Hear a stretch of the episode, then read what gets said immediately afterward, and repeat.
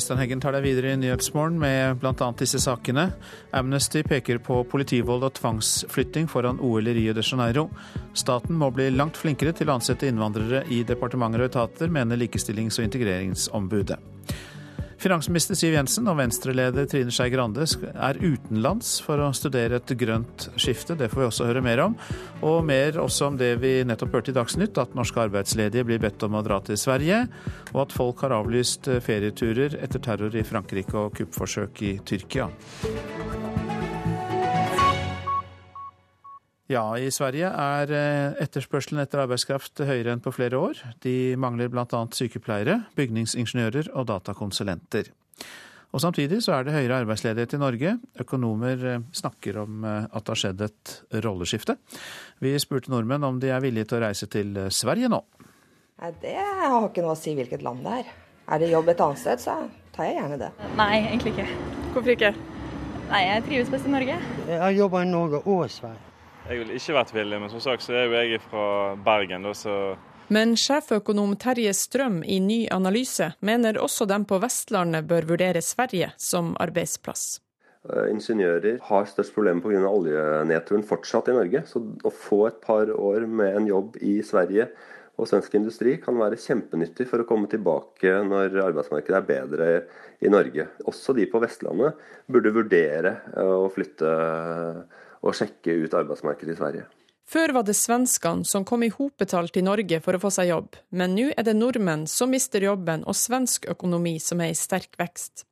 Sjeføkonom i LO Svein Regård beskriver et optimistisk arbeidsmarked. Der er det sånn nå at arbeidsløsheten eh, går nedover. Bedriftene må konkurrere mer om eh, arbeidskraften, så det er et bra arbeidsmarked fra arbeidstakernes perspektiv. Det er jo veldig veldig bra for Norge på den måten at når vi er i en nedgangskonjunktur og det er stor usikkerhet, så går det bedre i Sverige. Og det er klart eh, større etterspørsel etter arbeidskraft i Sverige nå enn det det er i Norge, og arbeidsledigheten går eh, klart nedover. Dataingeniører, arkitekter, lærere, butikkpersonale og bygningsingeniører er blant dem som er etterspurt i Sverige. Og ifølge det svenske konjunkturbarometeret for juli vil økonomien styrkes enda mer videre i 2016 og 2017. Regård forklarer veksten. Den nye regjeringen har vært heldig med den økonomiske politikken, og det gjelder også Riksbanken, så det er rett og slett sterk vekst i svensk økonomi. Strøm peker på at det svenske arbeidsmarkedet er lettere tilgjengelig for nordmenn. Så er det en stor fordel at eh, Norge og Sverige er så like samfunn, og at eh, språkbarrieren ikke er der, i forhold til slik det er i mange andre europeiske land. Arbeidsledigheten i Norge er høy, sett ut fra norske forhold.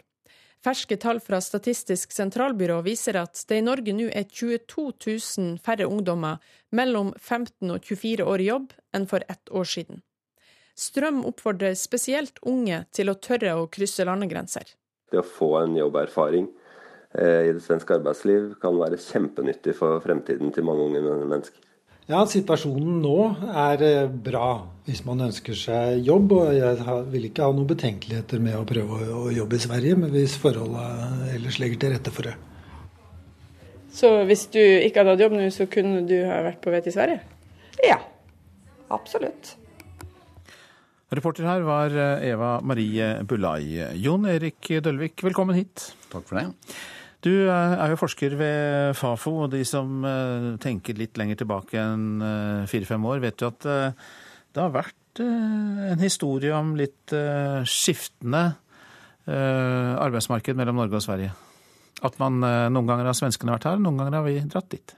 Ja, vi har jo ulik industristruktur, og dermed også ulike konjunkturer. og det er en lang historisk tradisjon for arbeidsvandringer på tvers av grensene, ikke bare mellom Norge og Sverige, men innen Skandinavia, i takt med at konjunkturene svinger. Og det er jo også helt i pakt med eh, formålet for det nord felles nordiske arbeidsmarkedet, som ble opprettet i 1954.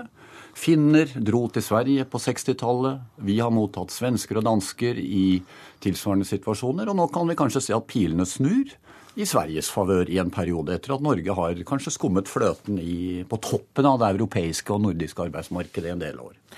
Har disse svingningene gått ganske smertefritt mellom landene? Ja, det har de absolutt. Og som eh, flere var inne på her, det er få barrierer, lik kultur, ingen språkhindringer.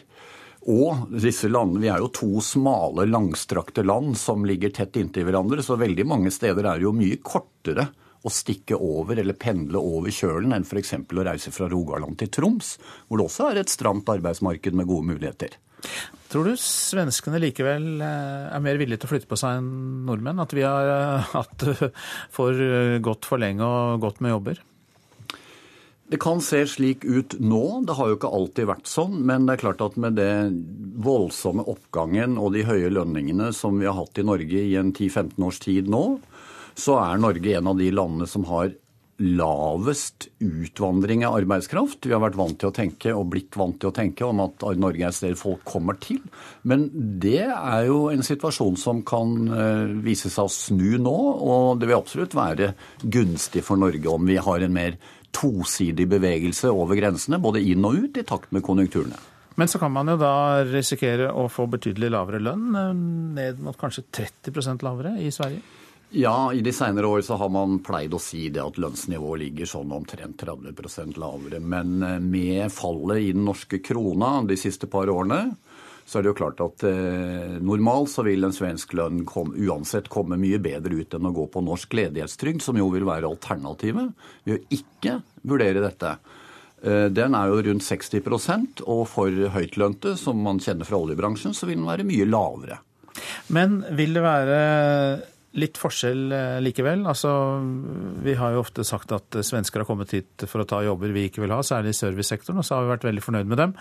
Men er det en annen type eh, som kanskje er mer etterspurt i Sverige av nordmenn som drar dit?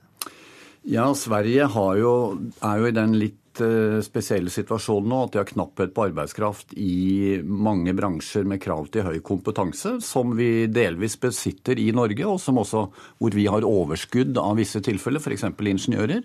Mens de har et overskudd av arbeidskraft og fortsatt en ganske høy ledighet blant folk med uh, liten kompetanse, mange med innvandrerbakgrunn, så man har et mismatch-problem i det svenske arbeidsmarkedet, hvor det nordiske arbeidsmarkedet da kan bidra til å løse det. Så det er nok gunstig for begge sider, tror jeg vi kan si. Men svenskene som eh, er kommet hit, tror de de blir i Norge? De som kom eh, da strømmen gikk andre veien? De fleste svenskene som har kommet til Norge, har jo vært her på et kortvarig opphold. Mange ungdommer på et gap year og sånt. Nå har alltid skullet hjem, og, og de vil dra hjem. Men om nett, nettostrømmen har jo snudd. Men det vil fortsatt komme svensker til Norge fordi vi har gode lønninger. Oslo er en het by for en del svensker osv. Så, videre. så men det vi kan håpe på, er jo at eh, strømmene går litt mer begge veier. Og det vil være gunstig både for Sverige og Norge i dette tilfellet. Og kanskje kan åpne horisonten litt for en del norske ungdommer som eh, kanskje ikke har helt fått med seg at Sverige er mer enn Ikea, snus og Volvo lastvogner. Takk for at du delte fra din forskning ved Fafo, Jon Erik Dølvik. Nesten 1000 eh, nordmenn avbestilte eller booket om ferieturen til eh, NIS og Tyrkia etter terrorangrep og kuppforsøk i sommer. Det viser tall NRK har hentet inn fra forsikringsselskapene. Flere forsikringsselskaper utvidet muligheten til å få igjen penger for en bestilt ferietur, fordi eh, terrorangrepene var så alvorlige. En hvit lastebil på strandpromenaden i NIS TV-bilder av redde turister, mange døde og mange skadd. Her hjemme satt nordmenn klar for Rivieraen, sol og varme. Mange valgte å avlyse. 892 personer tok kontakt med forsikringsselskapet og fikk dekket utlegg for fly og hotell til NIS i Frankrike og Tyrkia etter kuppforsøket der. Det viser tall fra fire forsikringsselskaper som NRK har vært i kontakt med. Nordmenn var bekymret. De lurte på hva de skulle gjøre, og ba om råd. Sier Sigmund Clemens, kommunikasjonsrådgiver i Europeiske forsikring. Ca. tre fjerdedeler av de henvendelsene og de sakene vi har hatt på NIS og Tyrkia, dreier seg om nordmenn som sitter hjemme i Norge, og som ikke ønsker å dra til de stedene hvor det er, har skjedd ting eller har vært uroligheter. Vanligvis følger forsikringsselskapene offisielle reiseråd. De dekker ikke utlegg for hjemreise eller avbestillinger bare fordi du er redd. Men dette ble annerledes, sier Ketil Wold, skadeleder i DNB. Vi valgte i begge de her situasjonene, som både NIS og Tyrkia, så valgte vi å likevel dekke avbestilling der hvor ja, Ettersom vi vurderte at eh, det var såpass alvorlige hendelser med risiko for liv og helse for våre kunder. 892 personer fikk dekket utlegg for hjemreise eller avbestillinger, men langt flere tok kontakt, sier Wold. Og Det de spør om, er at de, de ønsker informasjon. De vil vite hva situasjonen er, og hva slags rettigheter har jeg, og hvilke muligheter har jeg når jeg drar, hvis jeg drar nedover dit. Eh, og De som befinner seg på stedet, har jo behov, også et veldig stort informasjonsbehov. Og veldig mange ønsker å komme seg hjem. Eh, avbryte ferien og, og, reise hjem.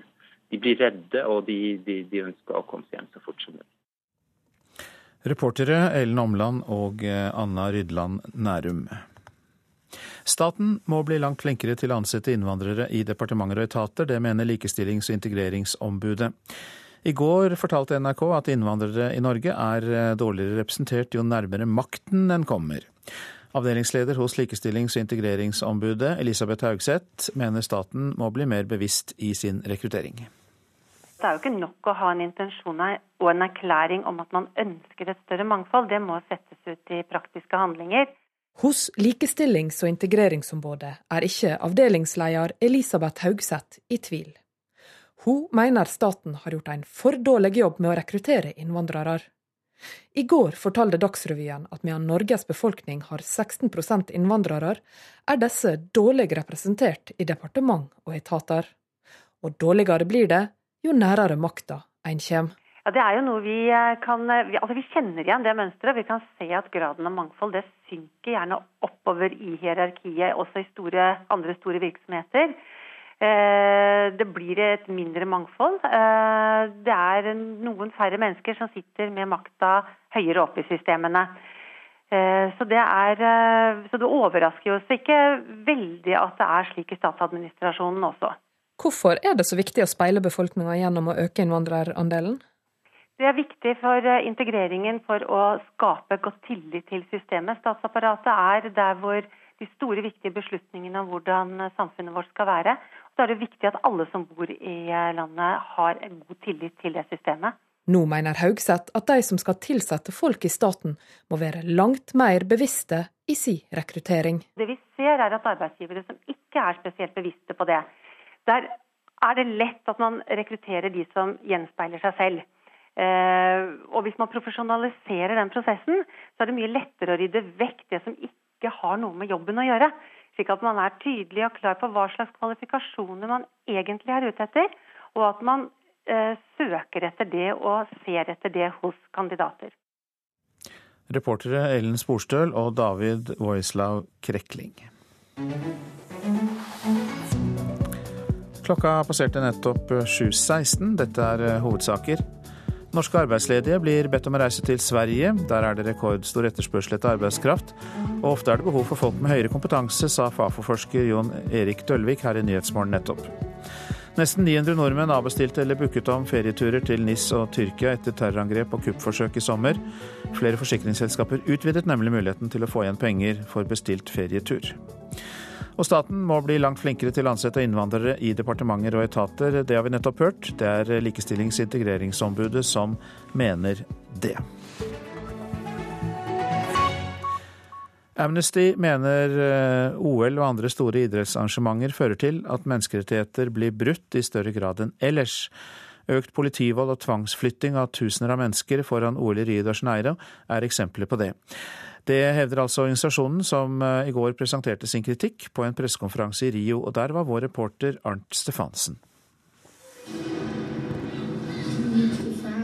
En video som blir vist på Amnestys pressekonferanse, forteller den dramatiske historien om da hundrevis av familier ble flyttet fra favelen Villa Autodromo for å gi plass til OL-anleggene her i Rio. Til stede på pressekonferansen er den 14 år gamle Naomi Oliveira en av dem som ble utsatt for tvangsflytting, og som fortsatt sliter med sterke traumer. De kunne ha fått på plass OL-anleggene uten å ødelegge så mye, sier hun. For en ung jente som meg har det vært fryktelig å oppleve politiaksjoner, riving av hus og at vi måtte flytte fra hjemmet. Jeg driver selv med idrett, og det er trist å tenke på at det er pga. OL alt dette har skjedd, sier 14-åringen. Uh, Amnesty International er hard i sin kritikk av OL-arrangøren Rio. Og et av de mest alvorlige anklagepunktene er politiets voldsbruk i de fattige områdene, de såkalte favelaene her i Rio. Talskvinne Renata Nader i Amnesty Brasil mener byen har lagt altfor liten vekt på å ivareta menneskerettighetene.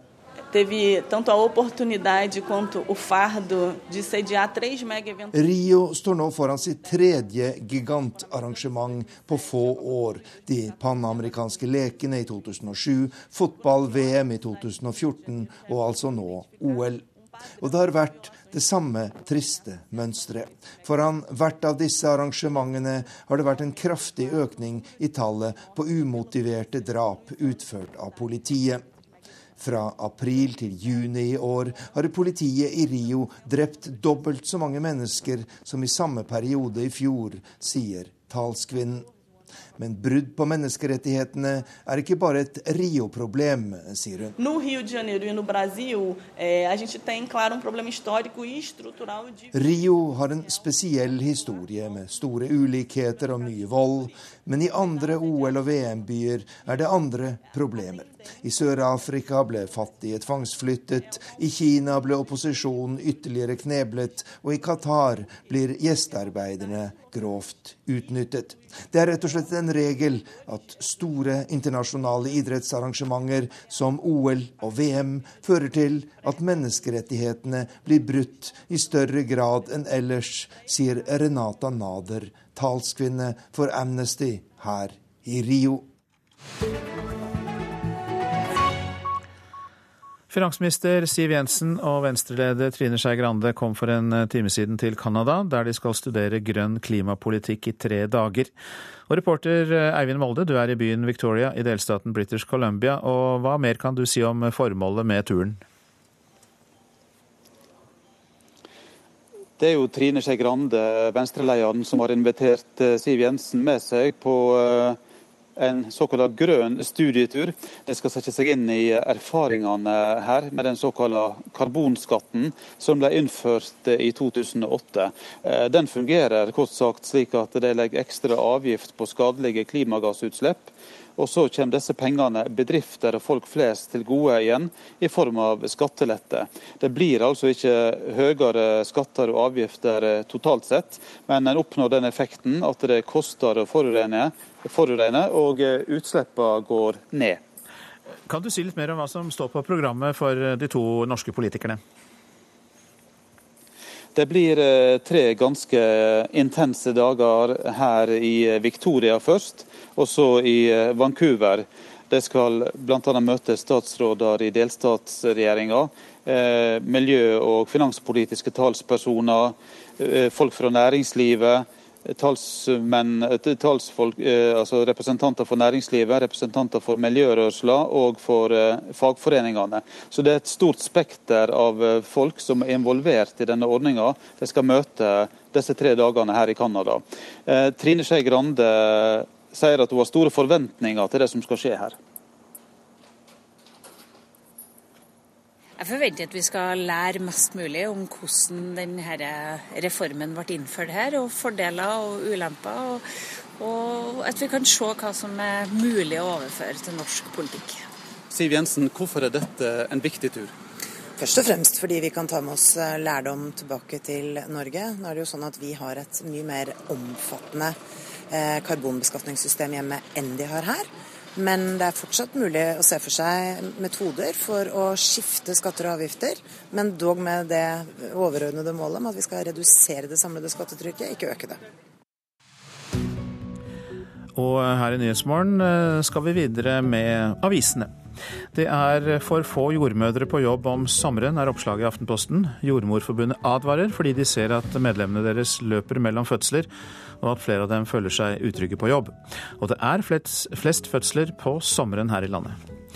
Rasmus Hansson vil vrake Toril Vidvei, skriver Klassekampen. Miljøpartiets talsmann sier Statkraft fortjener mer enn en kjedelig Høyre-administrator.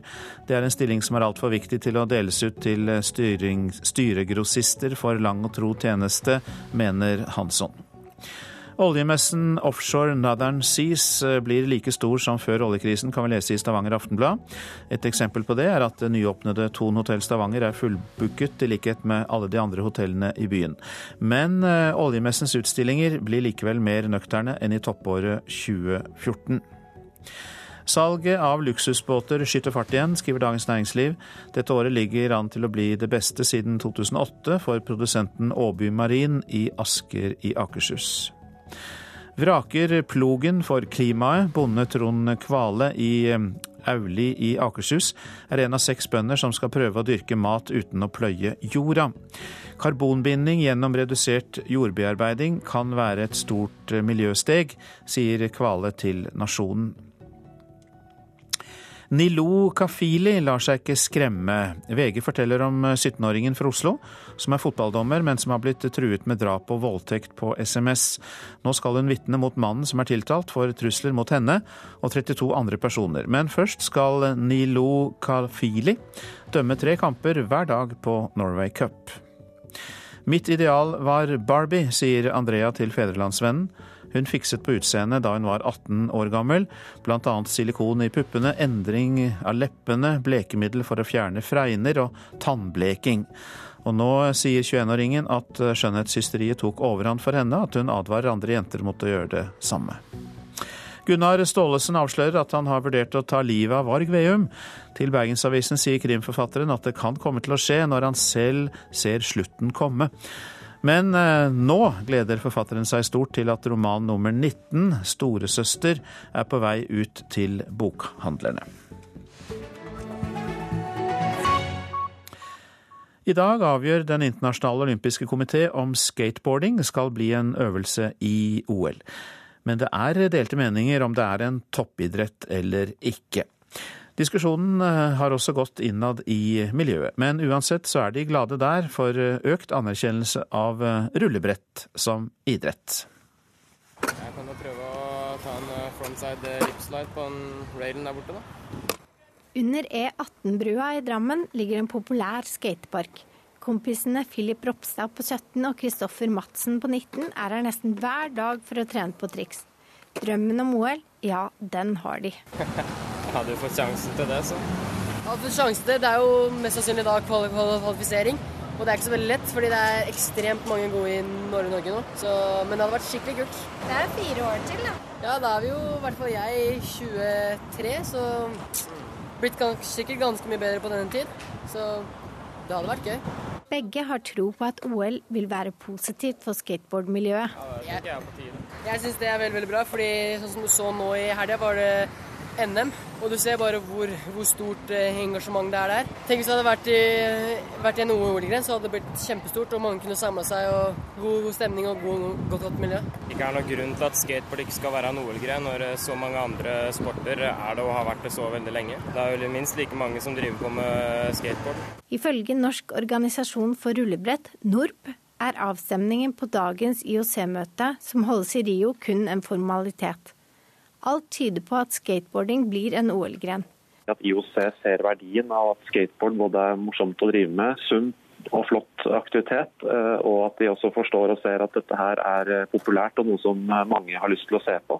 Kjetil Andreas Ostling er samfunnskontakt i NORB. Da diskusjonen var oppe i 2006, var skepsisen stor fordi forslaget var lite forberedt og troverdig, forteller Ostling. Han mener at mange er usikre på hvordan skating som idrett skal ta form. I dag så fungerer dette veldig styrt på skaternes egne premisser. Eh, nettopp fordi det er veldig egenorganisert innad i et eh, skateboardmiljø som anser seg mer som en kulturell eh, aktivitet. Så gjennom å bli en del av allerede veldig etablert idrett, så er det jo bekymring for at noe av alt det ferdig etablerte og alle de andre tunge sportsgrenene innen det systemet vil kunne konkurrere ut perspektiver som har vært viktige i skateboardmiljøet. I skateparken er også Erik på fem og et halvt år. Kan du noen triks? Ja, bare ikke så mange. Sånn sånn. Og så sånn. Nei, ikke det. Oi. Hva gjorde du nå? Jeg vet ikke hva det heter. Det var veldig kult, da. Pappa Vebjørn Johannessen får frisket opp gamle triks fra hans skatedager på 80-tallet, når sønnen skal lære seg å skate. Nei, nå øver vi på å pumpe litt i buene, som det heter, og kjøre litt frem og tilbake og skape fart selv uten å holde meg. Og så er det mest lek og moro for å det skal være gøy. Johannessen er skeptisk til at skating skal inn i OL. Det er eh, både spennende og litt skremmende. Jeg syns det skal være en uavhengig sport og ikke, ikke være eh, på en måte styrt av store, de store kreftene, da, som, som litt den, den debatten snowboard har vært gjennom. Og reportasjen var laget av Tuva Strøm Johannessen. Du lytter til eh, Nyhetsmorgen, produsent Kari Bekken Larsen, og her i studio Øystein Heggen. USAs presidenter hører vi jo mye om, men hva med visepresidentene? Mer om deres plikter og oppgaver i reportasjen etter Dagsnytt. Vår politiske gjest i dag er Fremskrittspartiets innvandrings- og integreringsminister Sylvi Listhaug. Og stadig flere ferierer i telt. Det skal vi også høre den nærmeste halvtimen. Folk i alle aldre velger å sove under duk denne sommeren.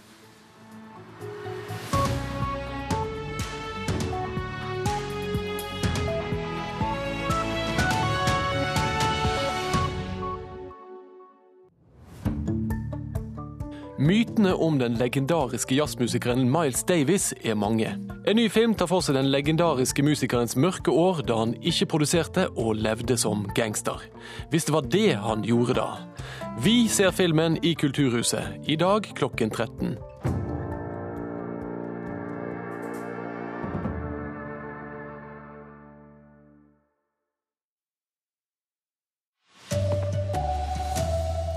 Trenden snur. Nå er det arbeidsløse nordmenn som blir anbefalt å dra til Sverige. Det er absolutt verdt å se til Sverige når det gjelder å lete etter jobb. Mange nordmenn blir redde etter terror- og kuppforsøk i sommer. 900 avbestilte eller booket om ferieturen. Og den brasilianske fotballegenden Pelé skal tenne den olympiske ild, hvis han får lov av sponsorene. Her er NRK Dagsnytt, klokka er 7.30. I Sverige er etterspørselen etter arbeidskraft høyere enn på flere år. Landet mangler bl.a. sykepleiere, bygningsingeniører og datakonsulenter. Samtidig er det høy arbeidsløshet i Norge. Vi spurte nordmenn om de er villige til å reise til Sverige. Det har ikke noe å si hvilket land det er. Er det jobb et annet sted, så tar jeg gjerne det. Jeg har jobba i Norge og Sverige. Det er et fint land, men uh, altså uh, Nei, vi har det trygt og godt her, syns jeg. Før var det svenskene som kom i hopetall til Norge for å få seg jobb, men nå er det nordmenn som mister jobben, mens svensk økonomi vokser kraftig. Sjeføkonom Terje Strøm i Ny analyse anbefaler arbeidssøkende å vurdere Sverige. Det er absolutt verdt å se til Sverige når det gjelder å lete etter jobb. Muligheten der er sannsynligvis bedre for unge mennesker. Ferske tall fra Statistisk sentralbyrå viser at det i Norge nå er 22 000 færre ungdommer mellom 15 og 24 år i jobb enn for et år siden. Også arbeidsledige i olja bør se til Sverige, mener Strøm.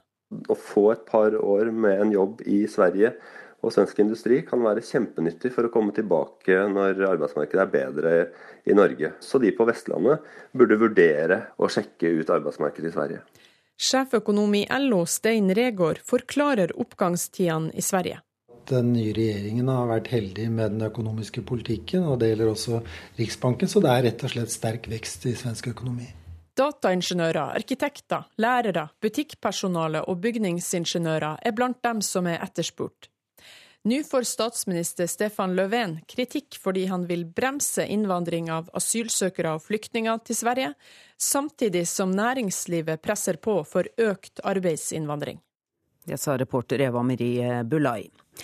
Nesten 900 nordmenn avbestilte eller booket om ferieturen til NIS og Tyrkia etter terrorangrepet og kuppforsøket i sommer. Det viser tall NRK har hentet inn fra forsikringsselskapene. Flere forsikringsselskap utvidet muligheten til å få igjen penger for en bestilt ferietur fordi angrepene var så alvorlige. En hvit lastebil på strandpromenaden i Nis. TV-bilder av redde turister, mange døde og mange skadd. Her hjemme satt nordmenn klar for Rivieraen, sol og varme. Mange valgte å avlyse. 892 personer tok kontakt med forsikringsselskapet og fikk dekket utlegg for fly og hotell til Nis i Frankrike og Tyrkia etter kuppforsøket der. Det viser tall fra fire forsikringsselskaper som NRK har vært i kontakt med. Nordmenn var bekymret. De lurte på hva de skulle gjøre, og ba om råd sier Sigmund Clemens, kommunikasjonsrådgiver i Europeiske forsikring. Ca.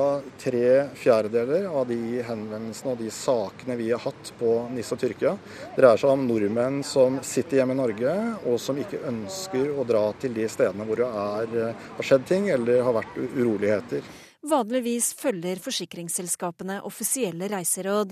De dekker ikke utlegg for hjemreise eller avbestillinger bare fordi du er redd. Men dette ble annerledes, sier Ketil Wold, skadeleder i DNB. Både NIS og Tyrkia så valgte vi å likevel dekke avbestilling der hvor eh, Ettersom vi vurderte at eh, det var såpass alvorlige hendelser med risiko for liv og helse for våre kunder. De ønsker informasjon. De vil vite hva situasjonen er og hva slags rettigheter har jeg, og hvilke muligheter har jeg, jeg drar, hvis jeg drar nedover dit. Reportere var Ellen Omland og Amma Rydland Nærum. Staten må bli langt flinkere til å ansette innvandrere i departementer og etater, mener Likestillings- og integreringsombudet. Innvandrere i Norge er dårligere representert jo nærmere makta man kommer. Avdelingsleder hos Likestillings- og integreringsombudet Elisabeth Haugseth mener staten må bli mer bevisst i rekrutteringen. Det er jo ikke nok å ha en intensjon og en erklæring om at man ønsker et større mangfold. Det må settes ut i praktiske handlinger. I går fortalte Dagsrevyen at medan Norges befolkning har 16% innvandrere, er disse dårlig representert i departement og etater. Og dårligere blir det jo nærere makta en kommer. Statsapparatet er der hvor de store, viktige beslutningene om hvordan samfunnet vårt skal være. Da er det viktig at alle som bor i landet har en god tillit til det systemet. Nå mener Haugseth at de som skal tilsette folk i staten, må være langt mer bevisste i sin rekruttering. Det vi ser er at arbeidsgivere som ikke er spesielt bevisste på det, der er det lett at man rekrutterer de som gjenspeiler seg selv. Og hvis man profesjonaliserer den prosessen, så er det mye lettere å rydde vekk det som ikke har noe med jobben å gjøre.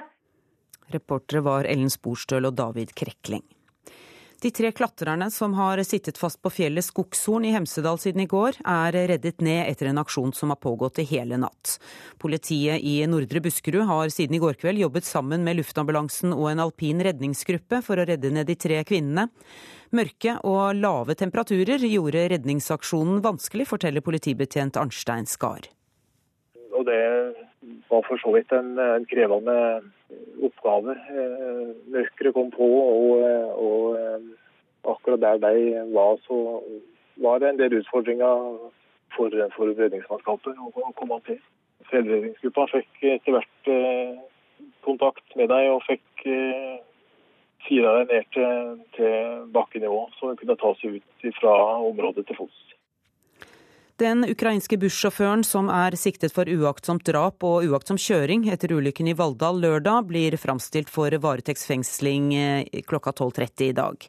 En person omkom og 14 mennesker ble sendt til sykehus etter ulykken. Med Zlatan og eh, Pogba som de store navnene har det handlet mye om Manchester United på fotballens overgangsmarked i sommer, denne perioden man kjøper og selger spillere. Men eh, naborivalen Manchester City er en av flere klubber som har tenkt annerledes. Klubben har skaffet seg 18 år gamle Kieran Brown, som eh, en spiller som Dette er en spiller som ikke står i mål, ikke spiller forsvar, ikke midtbane og heller ikke spiss. Hi, I'm Kieran Brown. Nei, Kez Brown spiller TV-spill. Yes, Som knallgod i et av verdens aller mest populære TV-spill, fotballspiller Fifa, skal han representere den nye klubben sin i turneringer, spille mot fans, strømme livekamper og legge ut videoer på YouTube. Spillplattformen er enorm. altså Ikke bare er det muligheter for markedsføring for klubbene, det er også en mulighet til å samhandle bedre med sine både fans og seere. da. Sier jevngamle Sander Austad Dale, som selv har over 18 000 følgere på YouTube, der han jevnlig legger ut videoer av at han spiller Fifa. Også Westham har før sesongen signert en egen Fifa-spiller, mens tyske Wolfsburg har sikret seg to. De vil treffe de unge på, på deres arena. Forklarer Mikael Groven, som jobber i TV 2-sporten og bl.a. leder kanalens e-sportsendinger, der spillere konkurrerer i ulike spill. Hvis en fotballklubb skal, skal vokse og ekspandere, så må de få unge supportere. Daglig leder Morten Nydal i Vålinga påpeker at store internasjonale klubber har ganske mye mer å rute med enn norske. Men det er klart, skulle det dukke opp eh, en eller annen fryktelig god dataspiller, så kan vi jo signere en på amatørkontrakt. Det klarer vi. Reporter var Gjermund Jappé. Om to dager åpner de olympiske sommerlekene i Rio de Janeiro. Mye er ennå uklart, bl.a. hvem som skal tenne OL-ilden. Den legendariske fotballspilleren Pelé er spurt, og han vil gjerne. Spørsmålet er om han får lov. Det avgjør nemlig en av Pelés mange sponsorer. For her dreier det seg ikke om lyst, men om rettigheter. Så vel IOC-president Thomas Bach som Rios OL-sjef skal ifølge Reuters ha spurt Pelé, da det etter deres mening ville passet perfekt om Brasils største idrettssymbol og verdenskjendis kunne ha tent flammen på fredag. Men merkevaren Pelé står altså ikke fritt til å gjøre som han vil. Pelé har, sier han selv, nemlig en sponsoroppgave under åpningen av lekene, angivelig med et pengesterkt firma som ikke er navngitt, og han må i så fall løses fra den oppgaven for å utføre det ærerike oppdraget på Maracana stadion i Rio de Janeiro, der han har vært bejublet så mange ganger tidligere.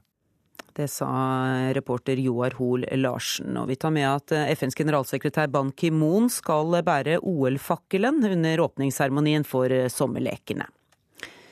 Ansvarlig for NRK Dagsnytt denne morgenen er Hans Christian Eide. I studio nå, Kari Ørstavik.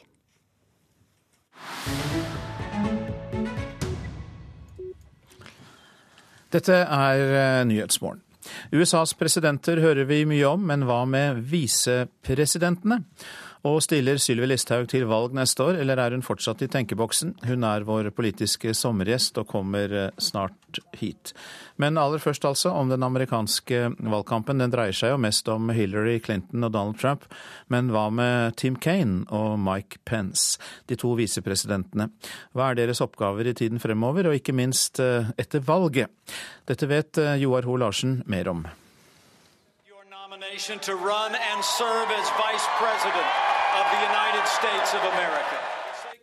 Vi hørte Mike Pence, aktuell visepresidentkandidat. Men det er en gammel sannhet i amerikansk politikk som sier det er ingen som stemmer på visepresidenten. Visepresidenten har lenge vært ansett som et nødvendig onde, og den som ble valgt til president, gjorde lenge ingenting for å trekke visepresidenten inn i varmen ved å sørge for at han, for det har alltid vært en han, var oppdatert, informert eller ble tildelt oppgaver som kunne ta glansen fra den aller viktigste, nemlig presidenten selv. Men i USAs 240-årige historie har åtte av 44 presidenter dødd mens de har innehatt dette viktige vervet. Så åtte visepresidenter har altså rykket opp, og en niende president måtte trekke seg, Richard Nixon, i 1974. Because people have got to know president is a crook. Well, I'm not a crook. I've earned everything I've got. Visepresidenten har én altoverskyggende oppgave. Det er å tre inn når presidenten dør eller altså går av. Det helt spesielle ved Nixons tilfelle var at da han, som den eneste sittende presidenten nå trakk seg, så hadde den folkevalgte visepresidenten allerede gått av, også han, Spire Agnew, under svært spesielle omstendigheter. Så Gerald Ford, republikanernes leder i Representantenes hus, rykket opp og ble altså, i løpet av et snaut år, også president, uten å være valgt eller ha hatt noe ønske om det. I have not campaigned either for the presidency or the vice presidency. I have not subscribed to any partisan platform. I am indebted to no man. Det heter seg at enhver visepresident til enhver tid bare er en kule unna det ovale kontor. Særdeles onde tunger vil ha det til at en visepresident dermed går og venter på et attentat slik at han kan overta det. Nå må det sies at så ille er det ikke, men det er et faktum at visepresidentene, de ble henvist til å spille annen fiolin, men de fikk aldri se notene. Et godt eksempel på dette. Da Franklin Roosevelt døde i april 1945, visste visepresident Harry Truman, som altså da rykket opp, ingenting om Manhattan-prosjektet som utviklet atombomber. Fire måneder senere ble en hel verden på en brutal måte gjort oppmerksom på hva en atombombe var. Da orienterte Truman.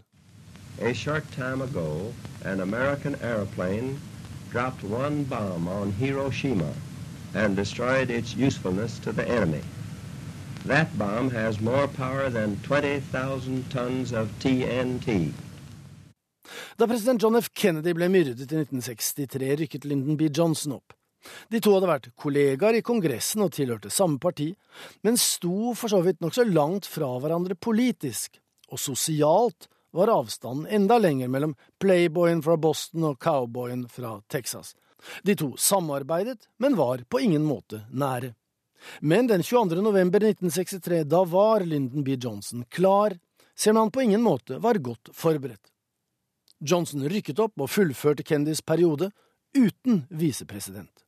Johnson ble selv valgt i 1964, men på grunn av den kontroversielle og splittende Vietnamkrigen unnlot han å stille til gjenvalg i 1968.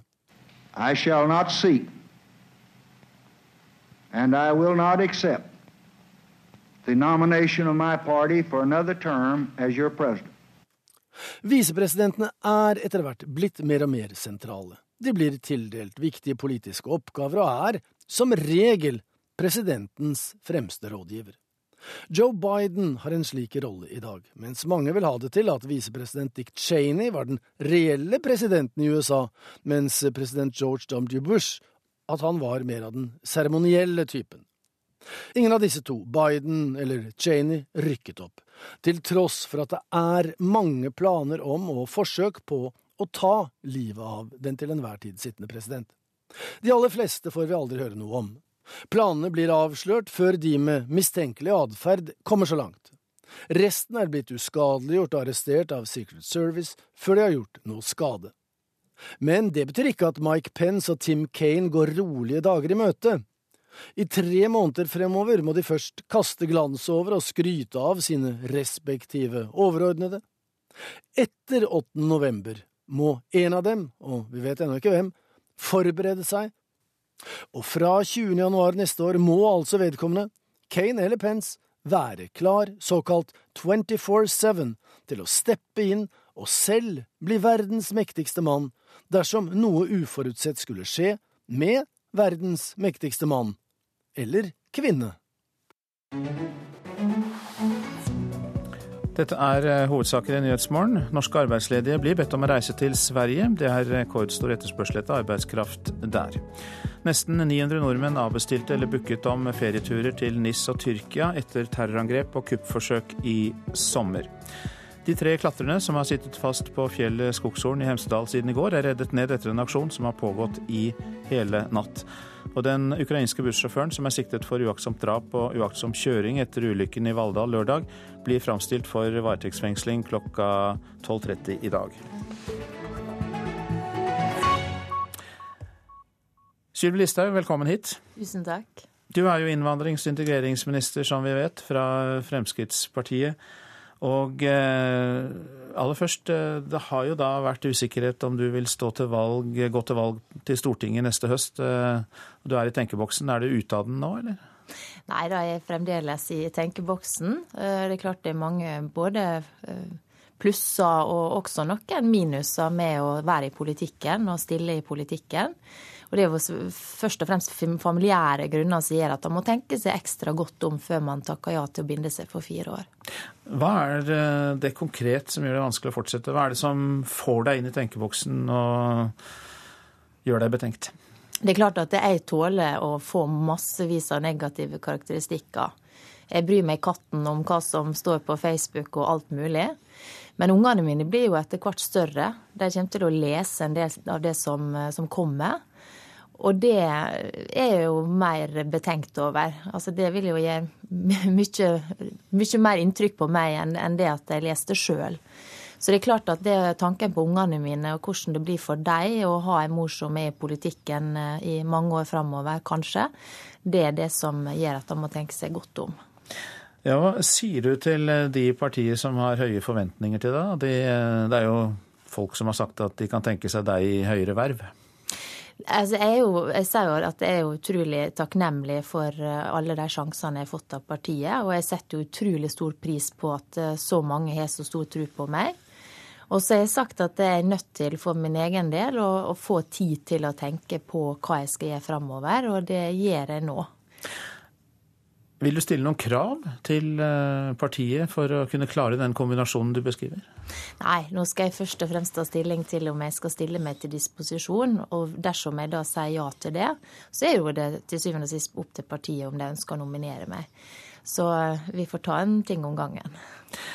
Ja, vi har jo hørt eh, fra NRK i går, bare for å ta eh, politikken nå, eh, at, og i dag morges også her, at Likestillings- og integreringsombudet mener staten må bli flinkere til å ansette innvandrere i departementer og etater. Det er jo ett av mange innvandringsspørsmål. Hvordan skal man få til det? Eh, først og fremst er det jo sånn at eh, hvis du skal få høyere stillinger, enten det er et departement eller innenfor politikken, så krever det jo det at man jobber en del år, at man opparbeider seg erfaring og kunnskap og, og går en, en vei som alle andre. Sånn at jeg er jo sikker på at i åra som kommer, så kommer flere med innvandrerbakgrunn til å få uh, høye posisjoner, enten det er i embetsverket eller i politikken. Nettopp fordi at det blir flere og flere som har lang erfaring. I Fremskrittspartiet ser vi f.eks.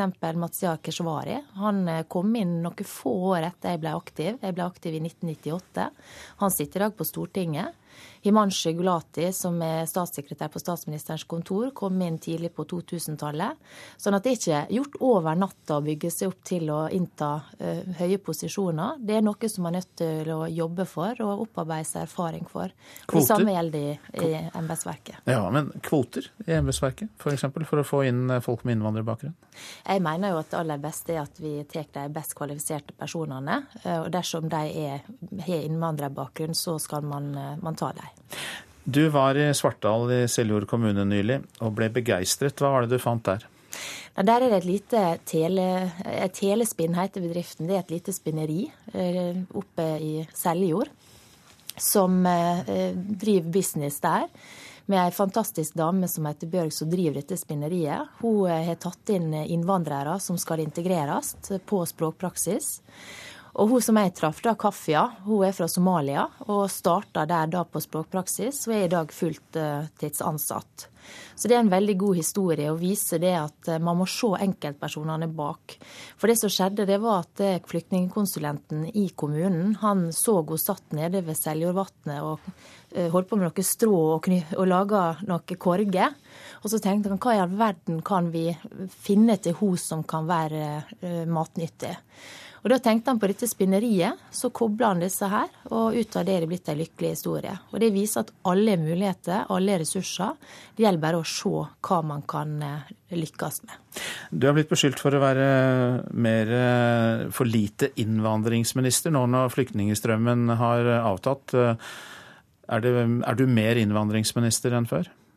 Innvandringsminister har vel blitt beskyldt for å Unnskyld meg, integreringsminister. Er du mer integreringsminister enn innvandringsminister, er spørsmålet. Jeg er begge deler. Det har vært hele tida, og det kommer til å fortsette å være. Og det å ha kontroll på innvandringa er utrolig viktig for å lykkes med integreringa.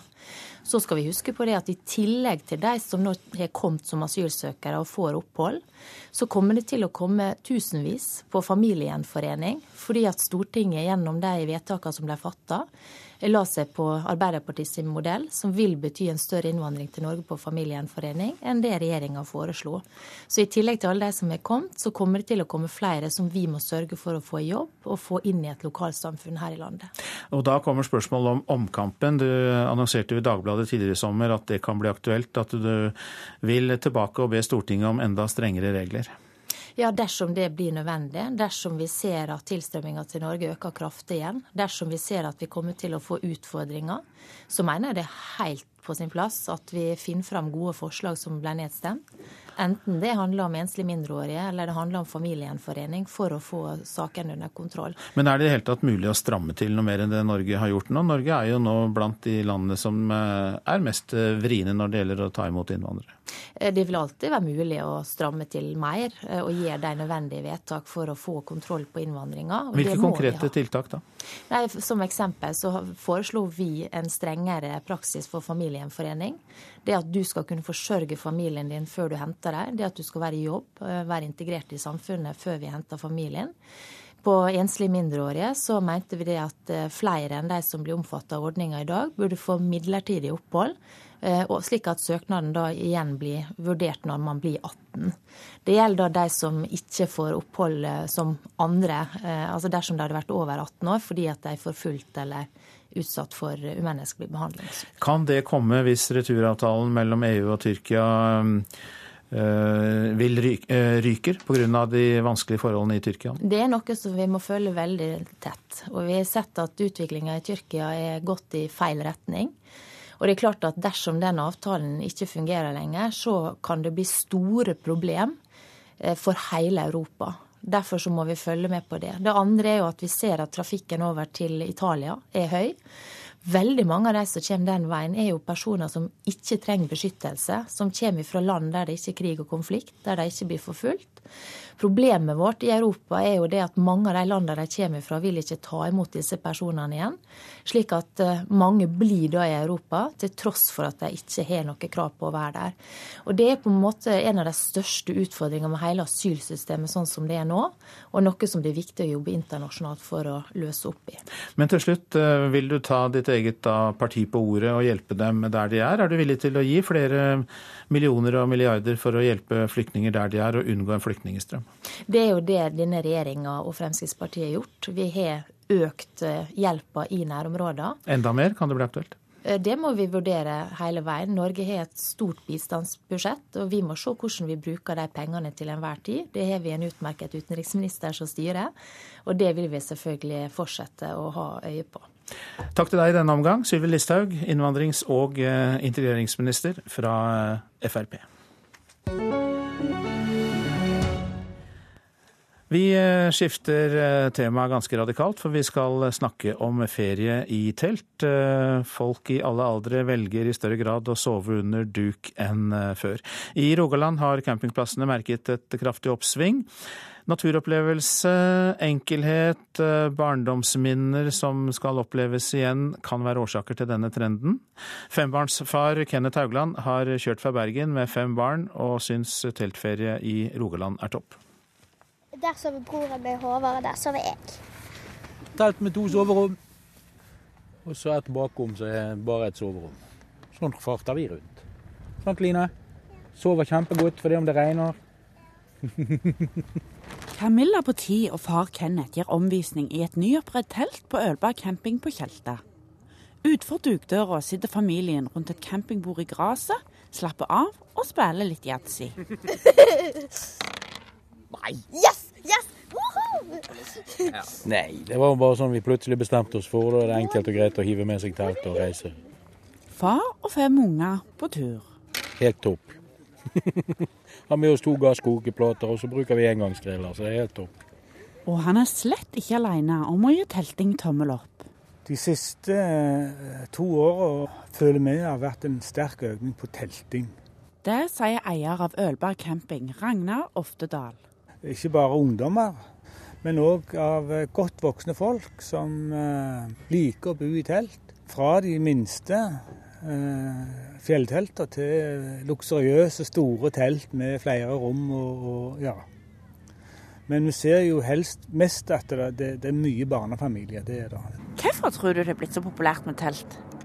Jeg går ut ifra at folk har lyst til å oppleve enklere kår. At de er litt fornøyd med at alt skal være så veldig fint og dyrt. Ehm, de kommer jo veldig nært innpå naturen. De hører hvert vindpust og hver regndråpe som kommer. Og så er det eh, spesielt dette med at, at eh, foreldre og unger kan bo sammen på en, eh, på en telttur. Det er noe unger setter stor pris på, og noe de vil huske hele livet. Eier av Haraldshaugen camping i Haugesund, Jon Arne Våge, har òg merka seg den nye trenden, og tror det har mer med følelser enn økonomi å gjøre. Vi ser jo altså De kan jo komme med en Audi her til langt over en million, eh, og så spør de etter en teltplass. og Det er jo litt artig eh, og, og sånt. Tolv igjen. Hva du syns er det kjekkeste med å være på sånn ferie som dette? Um, være med familie. Og spille spill og ja. Er det noe negativt med telting? Ja, hvis det regner mye, så er det ganske negativt. Du har en tendens til å bli litt våt. Hva gjør du da for å holde humøret oppe? Pakker sammen teltet og reiser hjem. Og det var eh, Ine Eftestøl som var på campingreportasje. Så litt om eh, været. Østafjells og fjell i Sør-Norge sol, men etter hvert tilskyende og regn fra sør. Vestlandet sør for Stad sol først på dagen, men det blir mer og mer skyet og etter hvert regn. Trøndelag og Møre og Romsdal bygevær i områdene nord for Trondheim, ellers opphold og perioder med sol. Nord-Norge får litt regn i dag, men mest i indre strøk, stedvis noe sol. Spitsbergen stort sett oppholdsvær og perioder med sol. Og vi tar med oss noen temperaturer, og disse ble målt klokka sju. Svalbard lufthavn seks grader, Kirkenes, Vardø og Alta elleve. Tromsø, Langnes, Bodø og Brønnøysund alle med tolv grader. Trondheim-Værnes 10, Molde 11, Bergen-Flesland 14.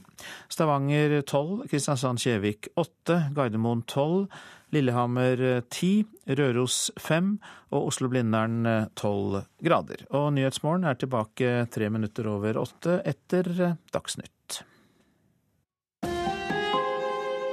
Hør ekko. Som 22-åring begynte Frank Alex med anabole steroider for å bli litt større, litt sterkere. Men så ballet det på seg og ble til slutt ganske stygt. Nå soner han to dommer og lurer på hvordan ble det sånn? Møt ham i Ekko. En time ekko i hele sommer mellom klokka ni og ti i NRK P2.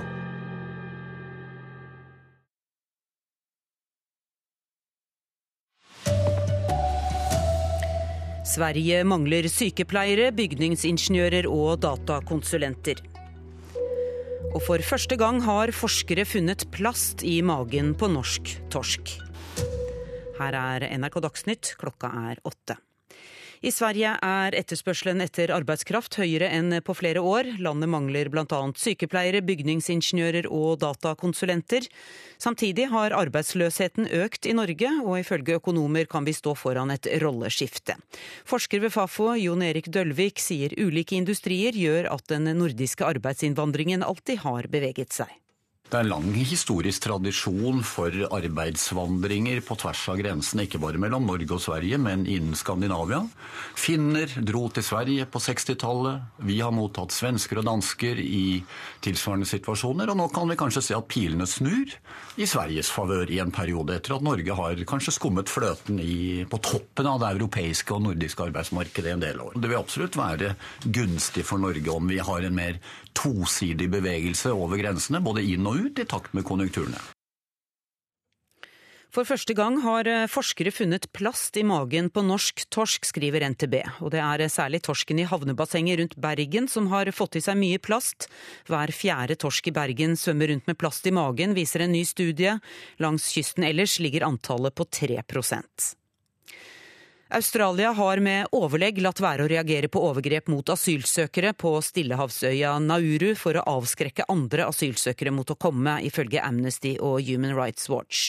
De to organisasjonene skriver i en rapport at det fremstår som en villet politikk at regjeringen unnlater å ta fatt i miljø, eh, alvorlig mishandling på øya. Den australske regjeringen avviser kritikken og anklager Amnesty for ikke å ha snakket med landets innvandringsdepartement før undersøkelsen ble gjennomført. Finansminister Siv Jensen og venstreleder Trine Skei Grande er på plass i Canada, der de skal studere grønn klimapolitikk i tre dager. De to har et tett program, sier reporter Eivind Molde.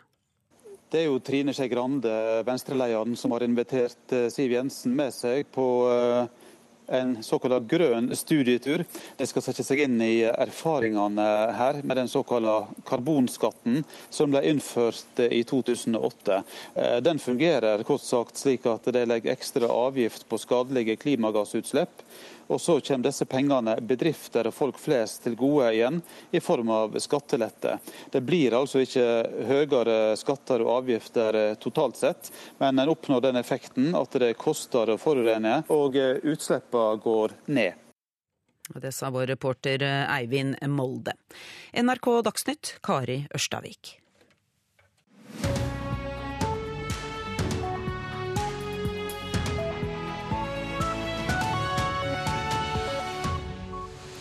Og Nyhetsmorgen fortsetter med disse sakene. Staten må bli langt flinkere til å ansette innvandrere i departementer og etater, mener Likestillings- og integreringsombudet. Vi skal høre om eh, raketten som eh, Nord-Korea har eh, skutt opp. Og mer også fra forskeren vi hørte i Dagsnytt, som mener at arbeidsledige nordmenn med høy kompetanse kan få muligheter i Sverige nå. Toppklubber søker etter spillere som aldri kommer til å knytte fotballskoene og løpe inn på gressmatta.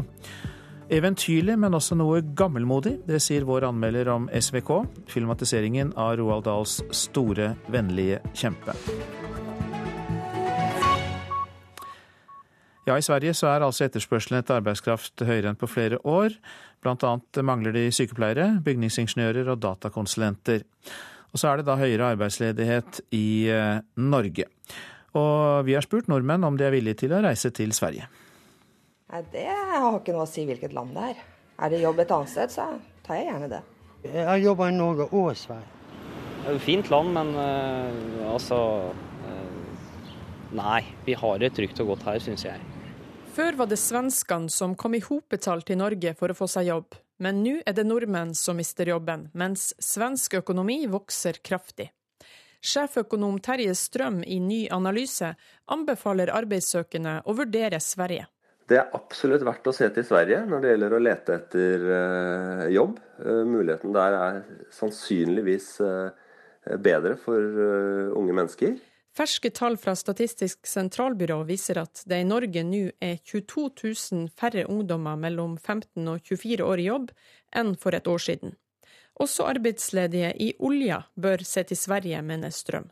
Å få et par år med en jobb i Sverige og svensk industri kan være kjempenyttig for å komme tilbake når arbeidsmarkedet er bedre i Norge. Så de på Vestlandet burde vurdere å sjekke ut arbeidsmarkedet i Sverige. Sjeføkonom i LO Stein Regård forklarer oppgangstidene i Sverige. Den nye regjeringen har vært heldig med den økonomiske politikken, og det gjelder også Riksbanken, så det er rett og slett sterk vekst i svensk økonomi. Dataingeniører, arkitekter, lærere, butikkpersonale og bygningsingeniører er blant dem som er etterspurt. Nå får statsminister Stefan Löfven kritikk fordi han vil bremse innvandring av asylsøkere og flyktninger til Sverige, samtidig som næringslivet presser på for økt arbeidsinnvandring. Reporter Eva Marie Bulai. Og forsker ved Fafo, Jon Erik Dølvik, sier ulike industrier gjør at den nordiske arbeidsinnvandringen alltid har eh, beveget seg. Det er lang historisk tradisjon for arbeidsvandringer på tvers av grensene, ikke bare mellom Norge og Sverige, men innen Skandinavia, i takt med at konjunkturene svinger. Og det er jo også helt i pakt med eh, formålet for det felles nordiske arbeidsmarkedet, som ble opprettet i 1954. Finner dro til Sverige på 60-tallet. Vi har mottatt svensker og dansker i tilsvarende situasjoner. Og nå kan vi kanskje se at pilene snur i Sveriges favør i en periode, etter at Norge har kanskje skummet fløten i, på toppen av det europeiske og nordiske arbeidsmarkedet i en del år. Har disse svingningene gått ganske smertefritt mellom landene? Ja, det har de absolutt. Og som eh, flere var inne på her, det er få barrierer, lik kultur, ingen språkhindringer. Og disse landene, Vi er jo to smale, langstrakte land som ligger tett inntil hverandre, så veldig mange steder er det jo mye kortere å stikke over eller pendle over kjølen enn f.eks. å reise fra Rogaland til Troms, hvor det også er et stramt arbeidsmarked med gode muligheter. Tror du svenskene likevel eh, er mer villige til å flytte på seg enn nordmenn? At vi har hatt for godt for lenge og godt med jobber? Det kan se slik ut nå, det har jo ikke alltid vært sånn. Men det er klart at med det voldsomme oppgangen og de høye lønningene som vi har hatt i Norge i en 10-15 års tid nå, så er Norge en av de landene som har lavest utvandring av arbeidskraft. Vi har vært vant til å tenke, og blitt vant til å tenke, om at Norge er et sted folk kommer til. Men det er jo en situasjon som kan eh, vise seg å snu nå, og det vil absolutt være gunstig for Norge om vi har en mer tosidig bevegelse over grensene, både inn og ut, i takt med konjunkturene. Men så kan man jo da risikere å få betydelig lavere lønn, eh, ned mot kanskje 30% lavere i Sverige? Ja, i de senere år så har man pleid å si det at lønnsnivået ligger sånn omtrent 30% lavere. Men eh, med fallet i den norske krona de siste par årene, så er det jo klart at eh, normalt så vil en svensk lønn kom, uansett komme mye bedre ut enn å gå på norsk ledighetstrygd, som jo vil være alternativet ved å ikke vurdere dette.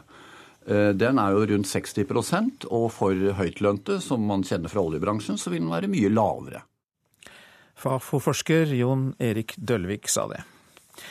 Staten må bli langt flinkere til å ansette innvandrere i departementer og etater, det mener Likestillings- og integreringsombudet. I går fortalte NRK at innvandrere i Norge er dårligere representert jo nærmere makten man kommer. Avdelingsleder hos Likestillings- og integreringsombudet Elisabeth Haugseth mener staten må bli mer bevisst i sin rekruttering. Det er jo ikke nok å ha en intensjon og en erklæring om at man ønsker et større mangfold. Det må settes ut i praktiske handlinger. Hos Likestillings- og integreringsombudet er ikke avdelingsleder Elisabeth Haugseth i tvil. Hun mener staten har gjort en for dårlig jobb med å rekruttere innvandrere. I går fortalte Dagsrevyen at medan Norges befolkning har 16% innvandrere, er disse dårlig representert i departement og etater. Og dårligere blir det jo nærere makta en kommer. Ja, det er jo noe vi eh, kan, eh, altså vi kjenner igjen det mønsteret. Vi kan se at graden av mangfold det synker gjerne oppover i hierarkiet, også i store, andre store virksomheter. Eh, det blir et mindre mangfold. Det er noen færre mennesker som sitter med makta høyere opp i systemene. Så det, er, så det overrasker oss ikke veldig at det er slik i statsadministrasjonen også. Hvorfor er det så viktig å speile befolkninga gjennom å øke innvandrerandelen? Det er viktig for eh, integreringen for å skape godt tillit til systemet. Statsapparatet er der hvor de store, viktige beslutningene om hvordan samfunnet vårt skal være. Så er det viktig at alle som bor i eh, landet har en god tillit til det systemet. Nå mener Haugseth at de som skal tilsette folk i staten, må være langt mer bevisste i sin rekruttering. Det vi ser er at arbeidsgivere som ikke er spesielt bevisste på det, der er det lett at man rekrutterer de som gjenspeiler seg selv. Eh, og hvis man profesjonaliserer den prosessen, så er det mye lettere å rydde vekk det som ikke har noe med jobben å gjøre. Slik at man er tydelig og klar på hva slags kvalifikasjoner man egentlig er ute etter. Og at man eh, søker etter det og ser etter det hos kandidater. Elisabeth Haugseth sa det, avdelingsleder hos Likestillings- og integreringsombudet. Og reportere var Ellen Sporstøl og David Voislav Krekling. Nord-Korea har nok en gang skutt opp en rakett, hevder det sørkoreanske forsvarsdepartementet. Det er to uker siden sist Sør-Korea meldte om at Nord-Korea hadde skutt opp raketter. Det er bare to uker siden Sør-Korea sist meldte at Nord-Korea hadde skutt opp raketter, en oppskyting som ble fordømt av USA. Nå hevder de at nok en rakett er skutt opp, denne gangen fra den vestlige delen av Nord-Korea, og landa i havet ved østkysten. FN har ilagt Nord-Korea strenge sanksjoner pga. tidligere oppskytinger og tester, men likevel holder Kim Jong-uns regime fram med sine prøveoppskytinger. Samtidig kommer Japan med krass kritikk av naboene. I går kom japanske styresmakter med en forsvarsrapport der de er uroa over at Nord-Korea kan ha utvikla atomstridshoved samt missiler med ei rekkevidde på 10 000 km.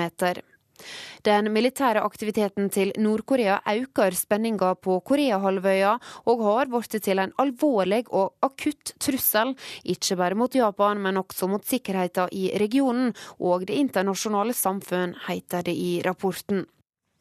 Reporter Amalie Frøystad Nærø. Og vi har ikke glemt uh, avisene. Her litt om det de har på forsidene. Det er eh, for få jordmødre på jobb om sommeren, er oppslaget i Aftenposten. Jordmorforbundet advarer fordi de ser at medlemmene deres løper mellom fødsler, og at flere av dem føler seg utrygge på jobb. Og det er flest eh, fødsler om sommeren her i landet. Rasmus Hansson vil vrake Toril Vidvei, skriver Klassekampen. Miljøpartiets talsmann sier Statkraft fortjener mer enn en kjedelig Høyre-administrator.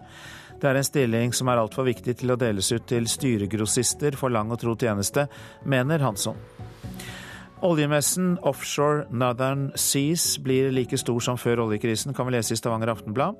Et eksempel på det er at det nyåpnede Thon hotell Stavanger er fullbooket, i likhet med alle de andre hotellene i byen. Men øh, oljemessens utstillinger blir denne gang øh, mye mer nøktern enn i toppåret 2014. Salget av luksusbåter skyter fart igjen, skriver Dagens Næringsliv. Dette året ligger det an til å bli det beste siden 2008 for produsenten Åby Marin i Asker i Akershus. Vraker plogen for klimaet. Bonde Trond Kvale i Auli i Akershus er en av seks bønder som skal prøve å dyrke mat uten å pløye jorda. Karbonbinding gjennom redusert jordbearbeiding kan være et stort miljøsteg. Det sier Kvale til Nasjonen. Nilo Kafili lar seg ikke skremme. VG forteller om 17-åringen fra Oslo som er fotballdommer, men som har blitt truet med drap og voldtekt på SMS. Nå skal hun vitne mot mannen som er tiltalt for truslene mot henne og 32 andre personer. Men først skal Nilo Kafili dømme tre kamper hver dag på Norway Cup. Mitt ideal var Barbie, sier Andrea til Fedrelandsvennen. Hun fikset på utseendet da hun var 18 år gammel, med bl.a. silikon i puppene, endring av leppene, blekemiddel for å fjerne fregner og også tannbleking. Nå sier 21-åringen at skjønnhetssysteriet tok overhånd for henne, og hun advarer andre mot å gjøre det samme.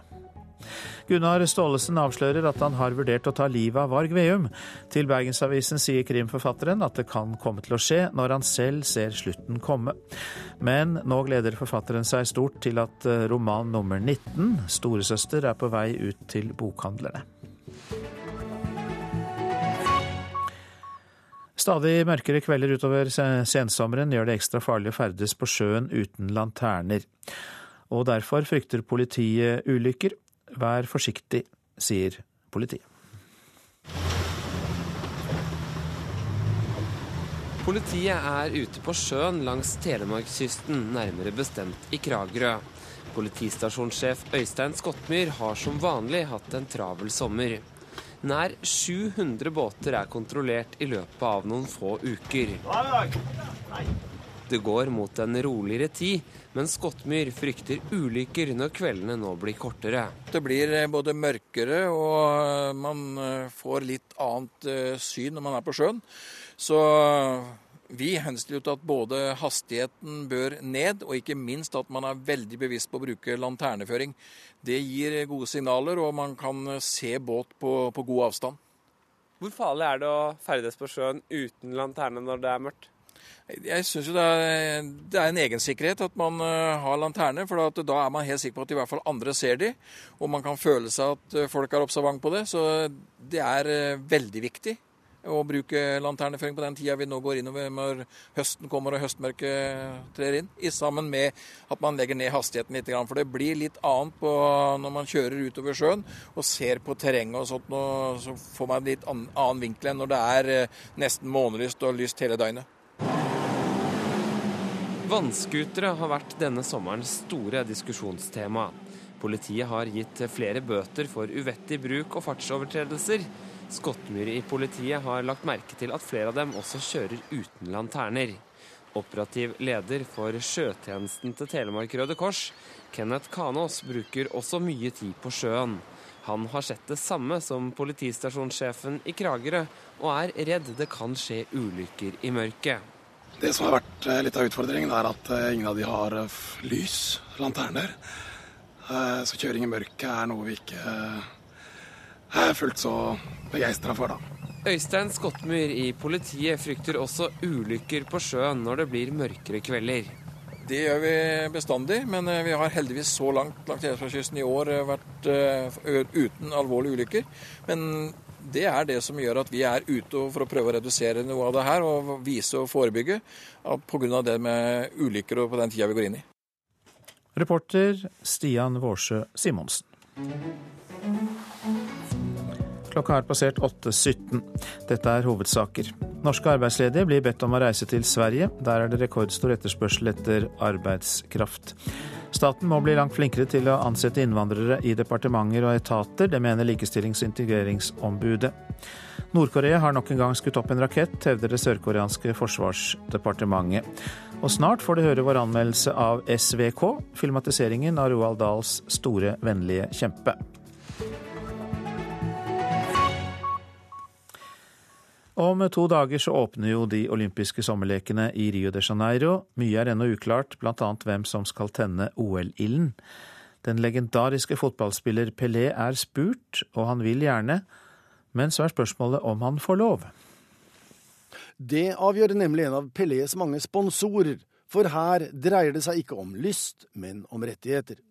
Så vel IOC-president Thomas Bach som Rios OL-sjef skal ifølge Reuters ha spurt Pelé da det etter deres mening ville passet perfekt om Brasils største idrettssymbol og verdenskjendis kunne ha tent flammen på fredag.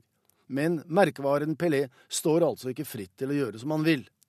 Pelé har, sier han selv, nemlig en sponsoroppgave under åpningen av lekene, angivelig med et pengesterkt firma som ikke er navngitt, og han må i så fall løses fra den oppgaven for å utføre det ærerike oppdraget på Maracana stadion i Rio de Janeiro, der han har vært bejublet så mange ganger tidligere.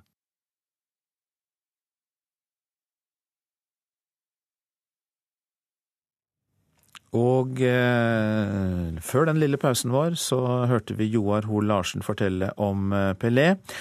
Og eh, vi legger til at FN-topp Ban Ki-moon skal bære OL-fakkelen under åpningsseremonien for eh, sommerlekene i Rio de Janeiro. Vi fortsetter i eh, idrettens verden. Vi vet jo at Zlatan er på plass, at Pogba kan komme. De aller heiteste navn svermer jo rundt Manchester United på sommerens overgangsmarked for fotballspillere. Men nå er det slik at flere klubber hever blikket. De ser etter en helt ny type spillere, som aldri vil knytte lissene på fotballskoene og løpe inn på gressmatta.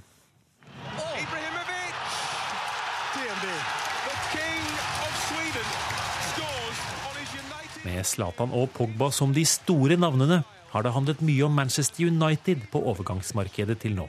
Men i samme by har Manchester City gått nye veier. Og i sommer signerte de en fyr du neppe har hørt om. Hi, I'm Kevin Brown. I en video på The Guardian forklares det hva som gjør 18 år gamle Kieran Kess Brown så spesiell. Han står nemlig ikke i mål, han spiller ikke forsvar, ikke på midten, og han er ikke spiss. Nei, Kez Brown spiller TV-spill. Yes, Som knallgod i et av verdens aller mest populære TV-spill, fotballspillet Fifa, skal han representere den nye klubben sin i turneringer, spille mot fans, strømme livekamper og legge ut videoer på YouTube. Jeg tror City har gjort en god signering i Kess Brown. Om du er god til å angripe og er uforutsigbar, så hjelper det. Det er bl.a. Kess sier jevngamle Sander Austad Dale, som selv har over 18 000 følgere på YouTube, der han jevnlig legger ut videoer av at han spiller Fifa. Spillplattformen er enorm. altså Ikke bare er det muligheter for markedsføring for klubbene, det er også en mulighet til å samhandle bedre med sine både fans og seere. da. Også Westham har før sesongen signert en egen Fifa-spiller, mens tyske Wolfsburg har sikret seg to. Og som om ikke det var nok, nylig kunngjorde brasilianske Wendel Lira, som skåret det som ble kåret til årets vakreste mål i verden i fjor, at han gir seg med ordentlig fotball, for i stedet å satse på TV-spillvarianten. De vil treffe de unge på, på deres arena. Forklarer Mikael Groven, som jobber i TV 2-sporten og bl.a. leder kanalens e-sportsendinger, der spillere konkurrerer i ulike spill. Elektronisk underholdning og e-sport er i stadig vekst, framgang. Og det er et, eh, et miljø, et område der unge møtes. Og hvis en fotballklubb skal, skal vokse og ekspandere, så må de få unge supportere. Groven tror flere klubber nå vil følge etter, selv om han mener det er de største som vil få mest ut av det. Hvis det er en spiller som er kjent både på YouTube og på livearrangement over hele verden, hele tiden fronte en merkevare som, en merkevare som f.eks. Manchester United, så, så vil det nok ha en effekt.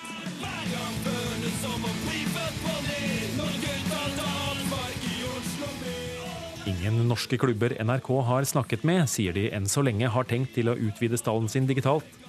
Daglig leder Morten Nydal i Vålerenga påpeker at store internasjonale klubber har ganske mye mer å rutte med enn norske. Men det er klart det skulle dukke opp eh, en og annen fryktelig god dataspiller, så kan vi jo signere en på amatørkontrakt. Det klarer vi. Og reporter her, det var Gjermund Jappé. Erik Fossum, velkommen hit. Takk for det. Du er redaksjonssjef for spillsiden pressfire.no. Jeg sliter fortsatt litt med å skjønne hvorfor disse store lagene vil rekruttere e-spillere, altså de som sitter og spiller data. Ja, det er litt merkelige greier, ikke det? Ja, Pussig. Det er, jo, altså det er jo PR det er snakk om først og fremst her. Hvor mye koster det å få inn en en som er god i Fifa kontra en god fotballspiller, det er jo nada for en stor klubb som Manchester City. Eh, og sånn sett så er det jo en liten investering.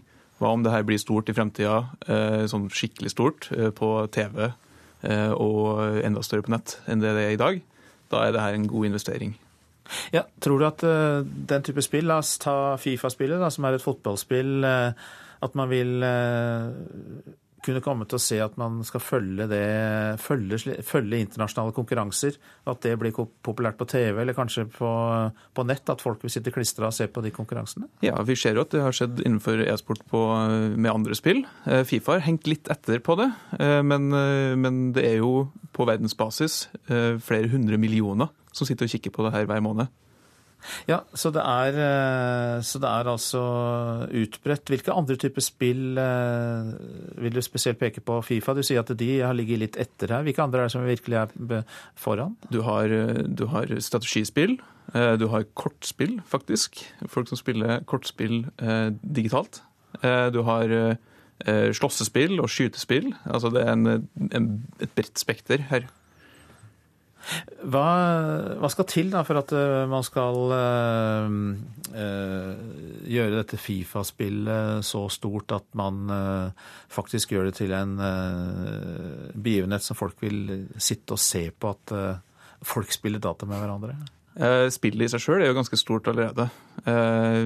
Så vidt jeg har fått med meg, så selger i Norge alene rundt 200 000 eksemplarer hvert eneste år.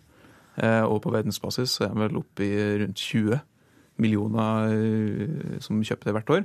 Så spillet er ganske stort, men publikumsaspektet har ikke vært så stort. Det er nesten blitt populært til tross for, ikke pga. populariteten til, til spillet. Og det må nok de som lager spillet kanskje ta litt av skylda av, Electronic Arts. At de ikke har liksom gjort det til et spill som er veldig lett å f.eks. koble seg på og se på andre kamper. Der ligger nok mye av det. Og så er det nok også litt at det ikke finnes så mange lokale varianter av det. At folk kanskje ikke møtes så ofte og spiller det på et profesjonelt nivå. Når blir dataspill OL-gren, tror du? jeg håper ikke det blir det, egentlig. Det er såpass annerledes enn vanlig idrett. Vi ser jo på, Hvis du tar sjakk, f.eks. Ja. Det er veldig mange som klumper e-sport inn sammen med sjakk, fordi vi er veldig opptatt av å sette ting i bås. Og det er ganske annerledes med at det er mer sånn mind games enn det er fysisk idrett. Så det er nok en stund før vi ser det liksom like allment akseptert. Men jeg syns heller ikke at det, at det, skal være det, fordi det her er noe som er helt nytt. Eh, det er fremadstormende. Det er bare få år siden det, det hele greia starta. Så hvorfor skal vi sette i den båsen der? Sjakk er jo ikke med i Idrettsforbundet, det heller. Ja, vi bør kanskje mm, heller ha et eget OL for hjernekraft og spill. Kanskje det. Takk skal du ha, Erik Fossum, redaksjonssjef for eh, spillsiden pressfire.no. Når forfatter Roald Dahls berømte bok SVK, 'Store vennlige kjempe', blir filmatisert av selveste Steven Spielberg, så er det lov å ha forventninger. NRKs filmkritiker Birger Vestmo syns SVK har blitt eh, akkurat passe eventyrlig, selv om filmen har et noe gammelmodig preg. What kind Forfatter Roald Dahls SVK, Store vennlige kjempe, havna i trygge hender når den skulle filmatiseres. Steven Spielberg har regissert en akkurat passe eventyrlig versjon av boka som alle barn og voksne har eller burde ha lest. Handlinga trekker ut i visse deler, og noen elementer har et litt gammelmodig preg over seg, men her har det kanskje handla om å være tro mot en folkekjær kilde. Manuset er skrevet av avdøde Melissa Mattison, som òg skrev Spielbergs ET i 1982, samme år som denne Roald Dahl-boka ble utgitt. SVK forteller et godt og lunt eventyr med spennende situasjoner som til og med de yngste vil takle uten påfølgende mareritt. Please don't eat me. You think because I'm a giant I'm a man gobbling cannibal. Foreldreløse Sophie, spilt av Ruby Barnhill, bor på barnehjem i London. En søvnløs natt får hun øye på en diger skikkelse i gata utafor. En stor hånd plukker hun ut av vinduet, og hun tas med til kjempeland. Men kidnapperen viser seg å være en stor og vennlig kjempe, SVK, spilt av Mark Rylance. Det fins imidlertid andre farefulle problemer i kjempeland, som Sophie og SVK må finne en løsning på. Run, Sophie. Hide. Ramma rundt eventyret er akkurat så solid som vi vet Steven Spielberg er i stand til, sammen med sin drevne stab. Det filmatiske universet har litt av den samme Harry Potterske følelsen over seg, der veien fra tåkefylte London til majestetiske fjellandskap synes å være forbausende kort. Alt er praktfullt filma av fotograf Janusz Kaminski. Musikken til John Williams er nyskrevet, men høres mistenkelig kjent ut. Vi lokkes dermed inn i et eventyr som vi omtrent fra begynnelsen av vet kommer til å være verdt å oppleve. Bone cruncher. Butcher boy. SVK, store vennlige kjempe, mangler den siste lille magien som hadde heva den opp i eventyrfilmens toppklasse. Kanskje føles det her en smule kalkulert og veloverveid. Kanskje har respekten for Roald Dahls bok vært litt for stor. Men det er ingen tvil om at familiene trygt kan møte opp på kino i et stort antall, for Steven Spielberg vet hvordan man underholder et bredt publikum. SVK, store vennlige kjempe, er et oppløftende og engasjerende eventyr, også som film. I'm going to call you BFG.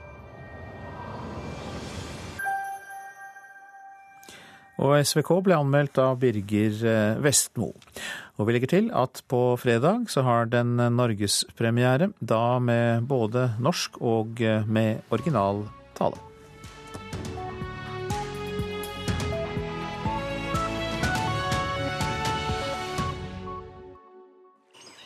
Sommer i P2. Jeg heter Gisken Arman, og i mitt Sommer i P2 vil jeg fortelle noe om somrene på Sørlandet. Om å bruke tid på endelig å komme gjennom en dør. Om skumgummi. Om å sitte fast og nesten bli glemt. Om en brann. Sommer i P2. I dag klokken ti.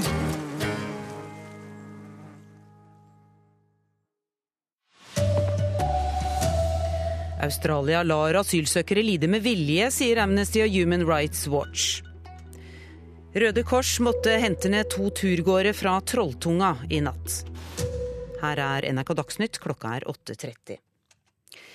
Australia har med overlegg latt være å reagere på overgrep mot asylsøkere på stillehavsøya Nauru for å eh, avskrekke andre asylsøkere mot å komme. Det sier Amnesty og Human Rights Watch etter å ha gjort undersøkelser på øya.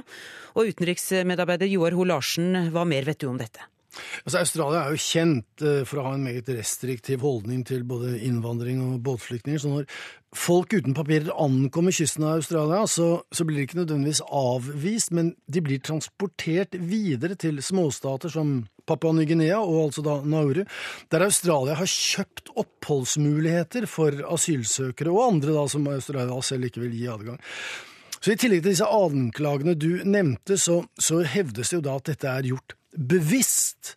Og ikke bare det, men de mishandler og neglisjerer ikke minst kvinner og barn i disse leirene. Så Amnesty International og Human Rights Watch de hevder at dette gjøres for å sende en advarsel til andre som da eventuelt har samme planer.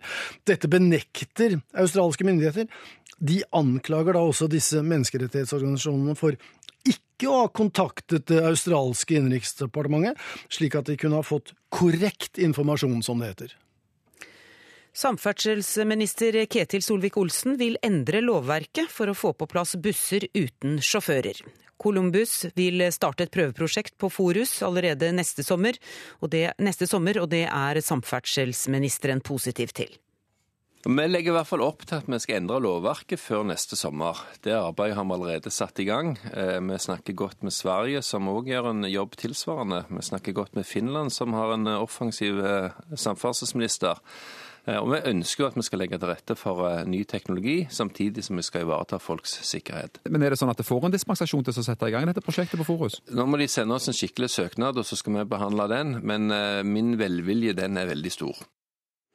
Det sa Ketil Solvik-Olsen, og Forus ligger altså i Stavanger. Og intervjuer var Johan Mile Laugaland. Røde Kors måtte hente ned to turgåere fra Trolltunga i natt. Det var en norsk mann som hadde tatt med seg sin nederlandske kjæreste til Trolltunga. De gikk fra Trolltunga klokka 22 i går kveld, og litt før klokka to i natt ringte de politiet og ba om hjelp.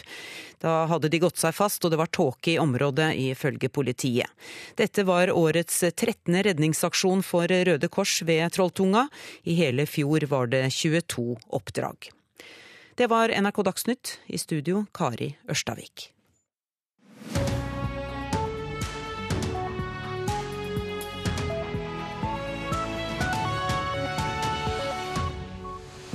Nyhetsmorgen fortsetter med disse sakene. 900 nordmenn avbestilte eller booket om ferieturen til NIS og Tyrkia etter terrorangrep og kuppforsøk i sommer. Prisoppgangen i første halvår, på bolig altså, er den sterkeste på sju år. Om to dager åpner OL i Rio. Det skjer samtidig som Brasil opplever korrupsjonsskandaler og politisk kaos. Vi skal direkte til vår mann i Rio. Og generalmajor Kristin Lund er dagens sommergjest. Hun har ledet FNs militære styrker på den delte øya Kypros. Ja, nesten 900, dvs. Si 892 eh, nordmenn har bestilt eller booket om ferieturen til NIS og Tyrkia etter terrorangrep og kuppforsøk i sommer. Det er tall NRK hentet inn fra forsikringsselskapene som viser det. Flere av selskapene utvidet muligheten til å få igjen penger for en bestilt ferietur, fordi angrepene ble sett på som så alvorlige. En hvit lastebil på strandpromenaden i Nis. TV-bilder av redde turister, mange døde og mange skadd. Her hjemme satt nordmenn klar for Rivieraen, sol og varme. Mange valgte å avlyse. 892 personer tok kontakt med forsikringsselskapet og fikk dekket utlegg for fly og hotell til Nis i Frankrike og Tyrkia etter kuppforsøket der. Det viser tall fra fire forsikringsselskaper som NRK har vært i kontakt med. Nordmenn var bekymret. De lurte på hva de skulle gjøre, og ba om råd. Sier Sigmund Clemens, kommunikasjonsrådgiver i Europeiske forsikring. Ca. tre fjerdedeler av de henvendelsene og de sakene vi har hatt på NIS og Tyrkia, dreier seg om nordmenn som sitter hjemme i Norge, og som ikke ønsker å dra til de stedene hvor det er, har skjedd ting eller har vært uroligheter. Vanligvis følger forsikringsselskapene offisielle reiseråd. De dekker ikke utlegg for hjemreise eller avbestillinger bare fordi du er redd. Men dette ble annerledes, sier Ketil Wold, skadeleder i DNB. Både NIS og Tyrkia så valgte vi å likevel dekke avbestilling der hvor eh, Ettersom vi vurderte at eh, det var såpass alvorlige hendelser med risiko for liv og helse for våre kunder. De ønsker informasjon. De vil vite hva situasjonen er, og hva slags rettigheter har jeg, og hvilke muligheter har jeg jeg drar, hvis jeg drar nedover dit. Reportere Ellen Omland og Anna Rydland Nærum.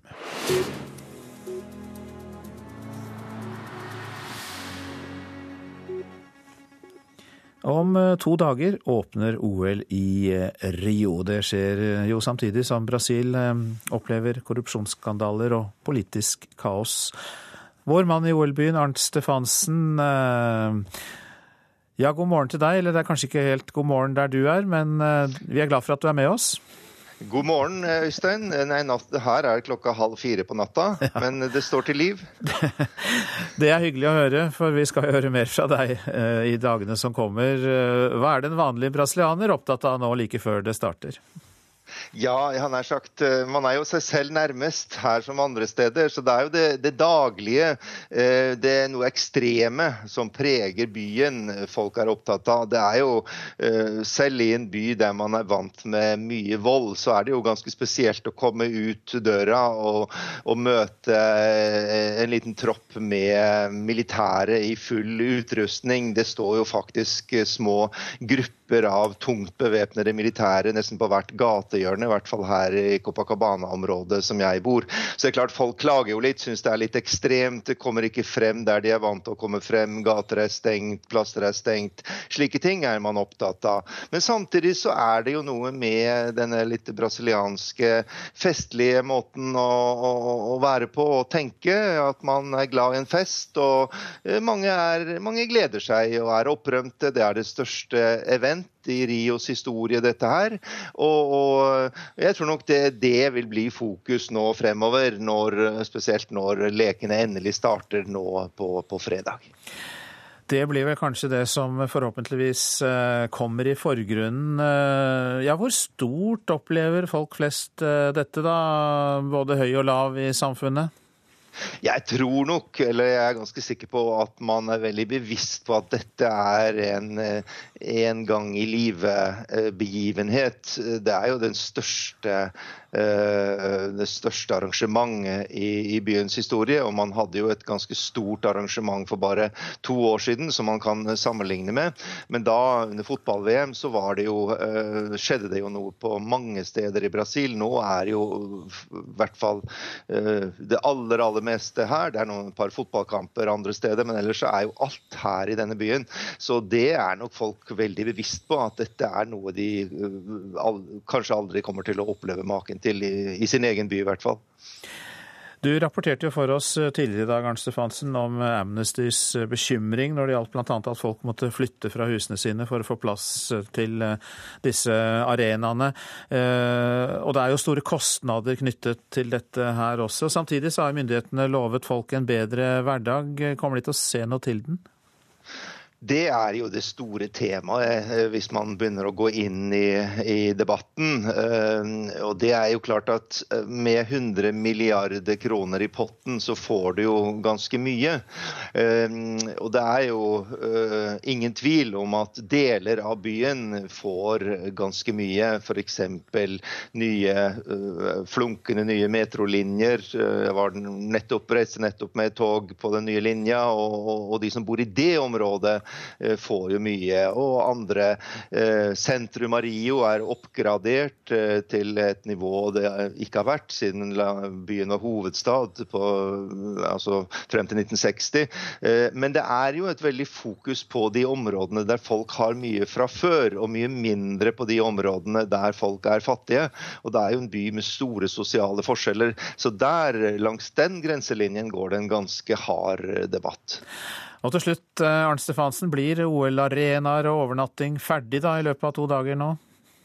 Ja, det meste er jo på plass og har jo vært plass på plass eh, en god stund. Men det er jo noe med Unnskyld at jeg sier det. Når 15 000 journalister kommer her og, og lekene ikke er startet, så, så, rapporterer man jo om det, det, som er å rapportere. Og da blir jo ofte små ting blåst litt ut av sine, eh, sine proporsjoner her. Eh, slik at eh, jeg er ganske sikker på at alle disse småtingene kommer på plass, og at det blir et teknisk sett eh, veldig veldig godt arrangement. Vår mann i OL-byen Rio, hjertelig takk skal du ha, Arnt Stefansen. Her hjemme krever Arbeiderpartiet svar på om statsminister Erna Solberg også var involvert i utnevnelsen av Toril Vidvei til Statkraft-styreleder. Det skriver Dagens Næringsliv. Mens Miljøpartiet De Grønne vil vrake Vidvei og få inn en ny styreleder. Det skriver Klassekampen i dag. Det er offentlig kjent at statsminister Erna Solberg og Toril Vidvei er venner, sier Arbeiderpartiets nestleder Hadia Tajik til Dagens Næringsliv. Derfor må Solberg avklare sin rolle i saken, mener hun. Det er naturlig å legge til grunn at statsministeren på et eller annet tidspunkt er involvert i utnevnelsen av en tidligere regjeringskollega, sier Tajik til avisen. Statsministeren har et godt forhold til en rekke personer, både innenfor og utenfor politikken. Det er ikke det samme som at de har et nært og personlig forhold, sier Solbergs kommunikasjonssjef Trude Maaseide. Hun vil ikke kommentere om Solberg har vært involvert i utnevnelsen av Vidvei. Det har stormet rundt næringsminister Monica Mæland etter at hun i juni utnevnte sin venninne og tidligere kulturminister Toril Vidvei til styreleder i Statkraft. Nå vil Miljøpartiet De Grønne vrake Vidvei. Det skriver Klassekampen. Mæland bør bruke sitt eget rot til å finne en bedre styreleder, sier Rasmus Hansson, nasjonal talsperson i MDG, til avisen. Han mener stillingen er viktigere enn på lenge, og Statkraft vil være sentralt i energi- og klimaspørsmål fremover. Statkraft trenger mye mer enn en kjedelig Høyre-administrator, sier Hansson. Reporter her, det var Milana Knesevitsj. Sylvi Listhaug har ennå ikke bestemt seg for om hun vil stille til valg som stortingsrepresentant neste høst. Innvandrings- og integreringsministeren fra Fremskrittspartiet sier det er hensynet til familien som må avgjøre. Nei, da er jeg fremdeles i tenkeboksen. Eh, det er klart det er mange både eh, plusser og også noen minuser med å være i politikken og stille i politikken. Og det er jo først og fremst familiære grunner som gjør at man må tenke seg ekstra godt om før man takker ja til å binde seg for fire år. Hva er det konkret som gjør det vanskelig å fortsette? Hva er det som får deg inn i tenkeboksen og gjør deg betenkt? Det er klart at jeg tåler å få massevis av negative karakteristikker. Jeg bryr meg katten om hva som står på Facebook og alt mulig. Men ungene mine blir jo etter hvert større. De kommer til å lese en del av det som, som kommer. Og det er jeg jo mer betenkt over. Altså det vil jo gjøre mye, mye mer inntrykk på meg enn det at jeg leste sjøl. Så det er klart at det tanken på ungene mine og hvordan det blir for dem å ha en mor som er i politikken eh, i mange år framover, kanskje, det er det som gjør at de må tenke seg godt om. Ja, Hva sier du til eh, de partier som har høye forventninger til deg? De, eh, det er jo folk som har sagt at de kan tenke seg deg i høyere verv? Altså, jeg, jo, jeg sier jo at jeg er utrolig takknemlig for eh, alle de sjansene jeg har fått av partiet. Og jeg setter utrolig stor pris på at eh, så mange har så stor tro på meg. Og så har jeg sagt at jeg er nødt til for min egen del å, å få tid til å tenke på hva jeg skal gjøre framover, og det gjør jeg nå. Vil du stille noen krav til eh, partiet for å kunne klare den kombinasjonen du beskriver? Nei, nå skal jeg først og fremst ta stilling til om jeg skal stille meg til disposisjon. Og dersom jeg da sier ja til det, så er jo det til syvende og sist opp til partiet om de ønsker å nominere meg. Så eh, vi får ta en ting om gangen. Ja, vi har jo hørt eh, fra NRK i går, bare for å ta eh, politikken nå, eh, at, og i dag morges også her, at Likestillings- og integreringsombudet mener staten må bli flinkere til å ansette innvandrere i departementer og etater. Det er jo ett av mange innvandringsspørsmål. Hvordan skal man få til det? Eh, først og fremst er det jo sånn at eh, hvis du skal få høyere stillinger, enten det er et departement eller innenfor politikken, så krever det jo det at man jobber en del år, at man opparbeider seg erfaring og kunnskap og, og går en, en vei som alle andre. Sånn at jeg er jo sikker på at i åra som kommer, så kommer flere med innvandrerbakgrunn til å få uh, høye posisjoner, enten det er i embetsverket eller i politikken. Nettopp fordi at det blir flere og flere som har lang erfaring. I Fremskrittspartiet ser vi f.eks. Mazyar Keshvari. Han uh, kom inn noen få år etter jeg ble aktiv. Jeg ble aktiv i 1998. Han sitter i dag på Stortinget. Himanshu Gulati, som er statssekretær på statsministerens kontor, kom inn tidlig på 2000-tallet.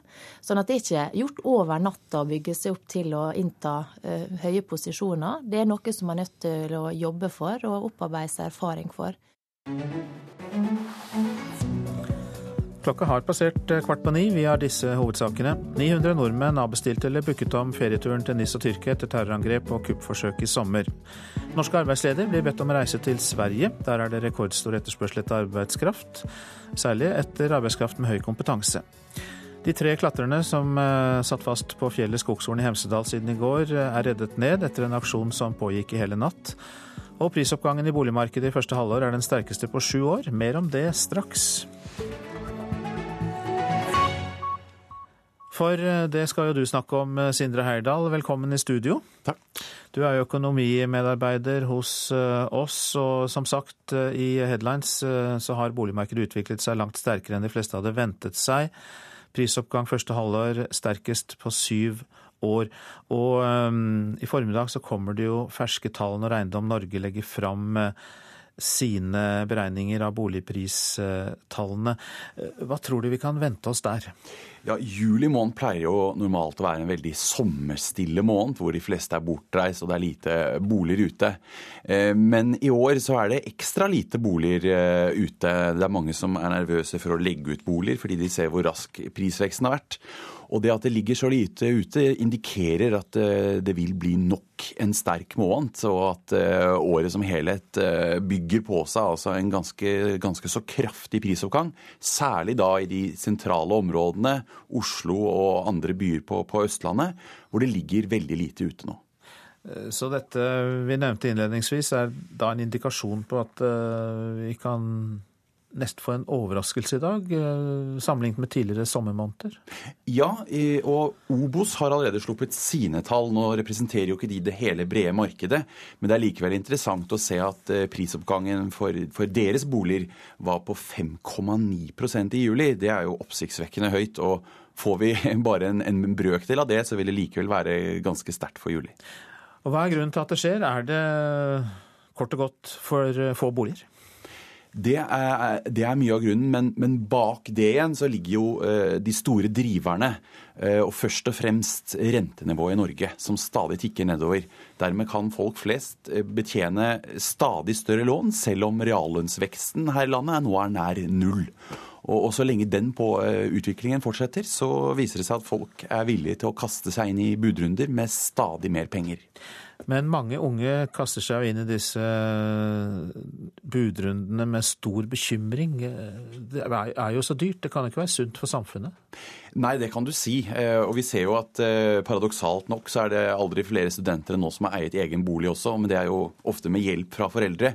Så her er det en spiral hvor man bruker eksisterende boliger og gjerne tar eh, kausjon der, og så bruker man disse pengene fra gjerne slekt til å selv kaste seg inn. Så her, her har vi en prisspiral oppover som mange internasjonalt særlig har advart mot, eh, deriblant Det internasjonale pengefondet. Til slutt et eh, vanskelig økonomispørsmål, Sindre Eirdal. Eh, er dette god nok grunn til at man ikke ikke skal ha så lave renter, at Norges Bank liksom vil si nei, dette boligmarkedet er nå så vanskelig, det går, tar helt av, nå må vi heve rentene igjen? Norges Bank har brukt boligmarkedet som begrunnelse flere ganger eh, for bl.a. å la være å senke renta. Og det blir et dilemma for dem hvis prisene også i dag da viser en sterk vekst. Hva skal de gjøre? Mange venter et eh, rentekutt i september, men blir boligmarkedet veldig godt, sammen med en del andre gode nyheter i det siste, bl.a. På, på jobbtall, så kan det være at de ser seg nødt til å, å vente med, med nytt rentekutt. Mange takk skal du ha for at du orienterte oss, økonomireporter Sindre Heirdal.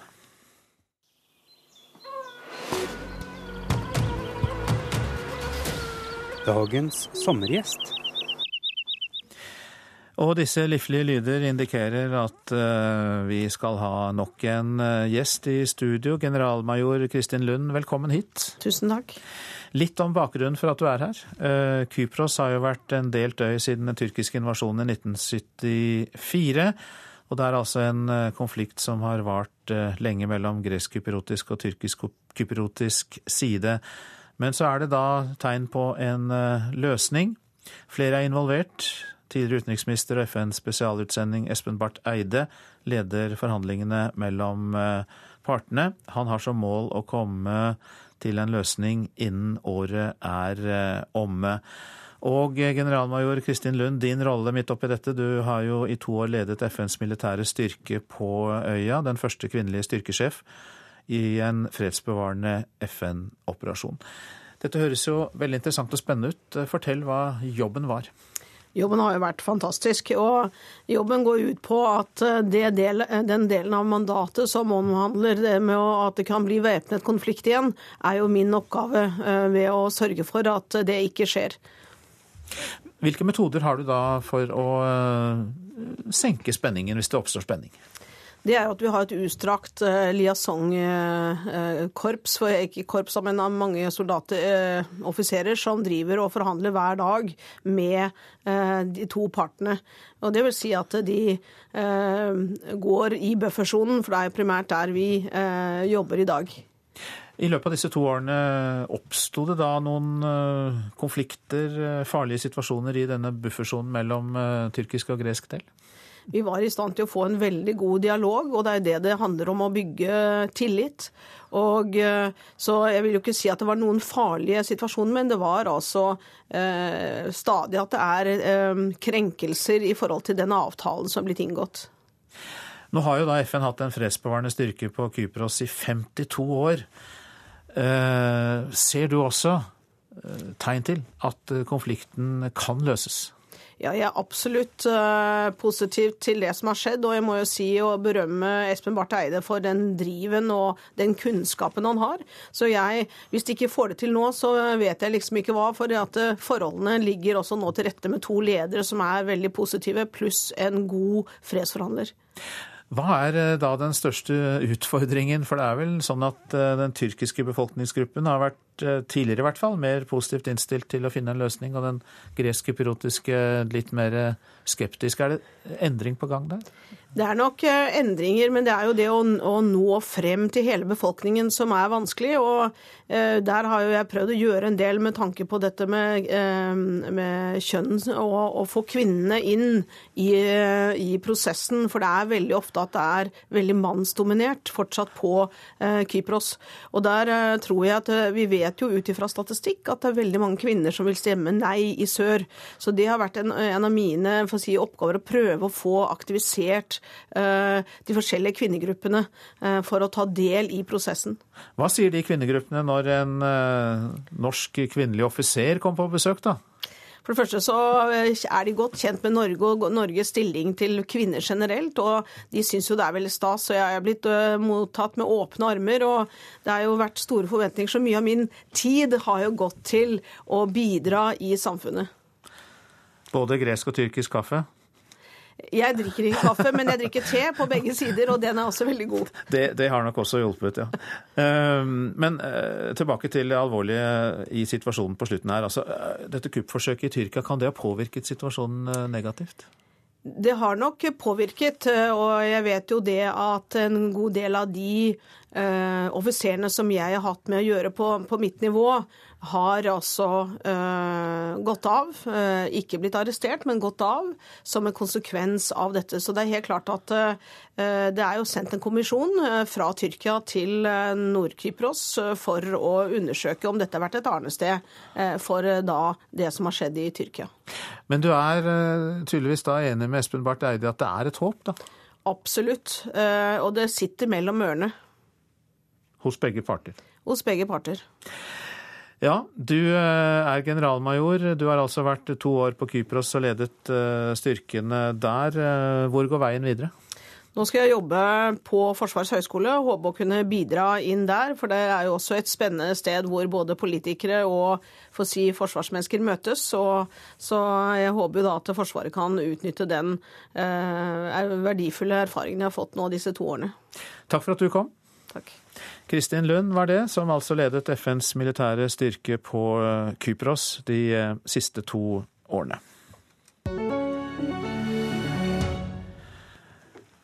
Vi eh, skal fortsette på Kypros, fordi tapet på overtid mot Apoel Nikosia i Mestliga-kvalifiseringen var det verste tapet i flere av Rosenborg-spillernes karriere. Vi går altså fra politikk på Kypros til sport på Kypros. Etter full tid så var RBK klare for Mesterligaen, men så kom en kollaps. Tre mål baklengs på seks minutter. Nesten umulig å forstå og tungt å svelge. For trener Kåre Ingebrigtsen så var tapet et av de bitreste han har opplevd. Ja, definitivt. Det er på verst tenkelig måte. Eh, så, så er det her tøft, men eh, det I sum og i erfaring så er det sånne ting som gjør oss sterkere. Også kaptein Mike Jensen syns tapet på overtid var hans verste opplevelse. I 90 minutter hadde de mesterligaspill og playoff i lomma, men så raknet det på overtid. Det er få andre skuffelser på fotballbanen som kan måle seg med det. Ja, tror jeg. Her i, ja. Det, det tror jeg det er. Altså, å være så tett på. Altså, det, det føles altså, Den måten det skjer på oss, altså, den måten de oppfører seg på, det er jo klart at det, det blir man provokert av. og det man får en enda mer irriterende følelse etter. For det var en heksegryte, spesielt på slutten av kampen i Kypros i går. Apoels oppførsel var oppsiktsvekkende, og på det siste kvarteret ble det delt ut seks gule kort, de fire siste for usportslig opptreden.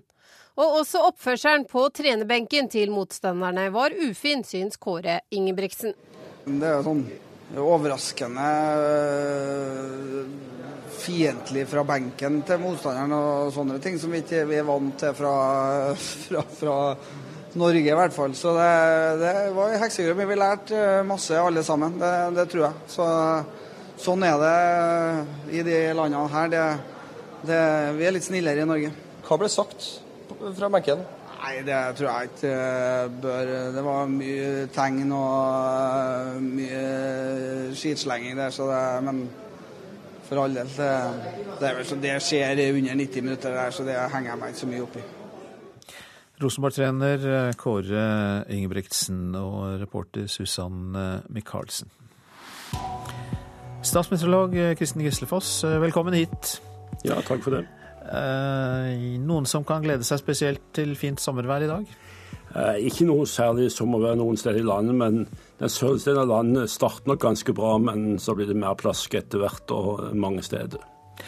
Ja, Er det sånn at det er mange forskjellige værtyper rundt omkring i vårt langstrakte land? Ja, det er typisk ustabilt vær store deler av landet, og vi kan jo se litt mer på detaljene. og Spitsbergen der er det stort sett oppholdsvær og perioden med noe sol, særlig i østlige områder. og Vinden kan stedet komme opp i frisk bris i sørvestlig retning. Hele Nord-Norge der er det mest vind i Nord-Troms og Finnmark, med opptil liten kuling fra østlig retning. Ellers er det lite vind i Sør-Troms og Nordland, og så blir det perioder med regn.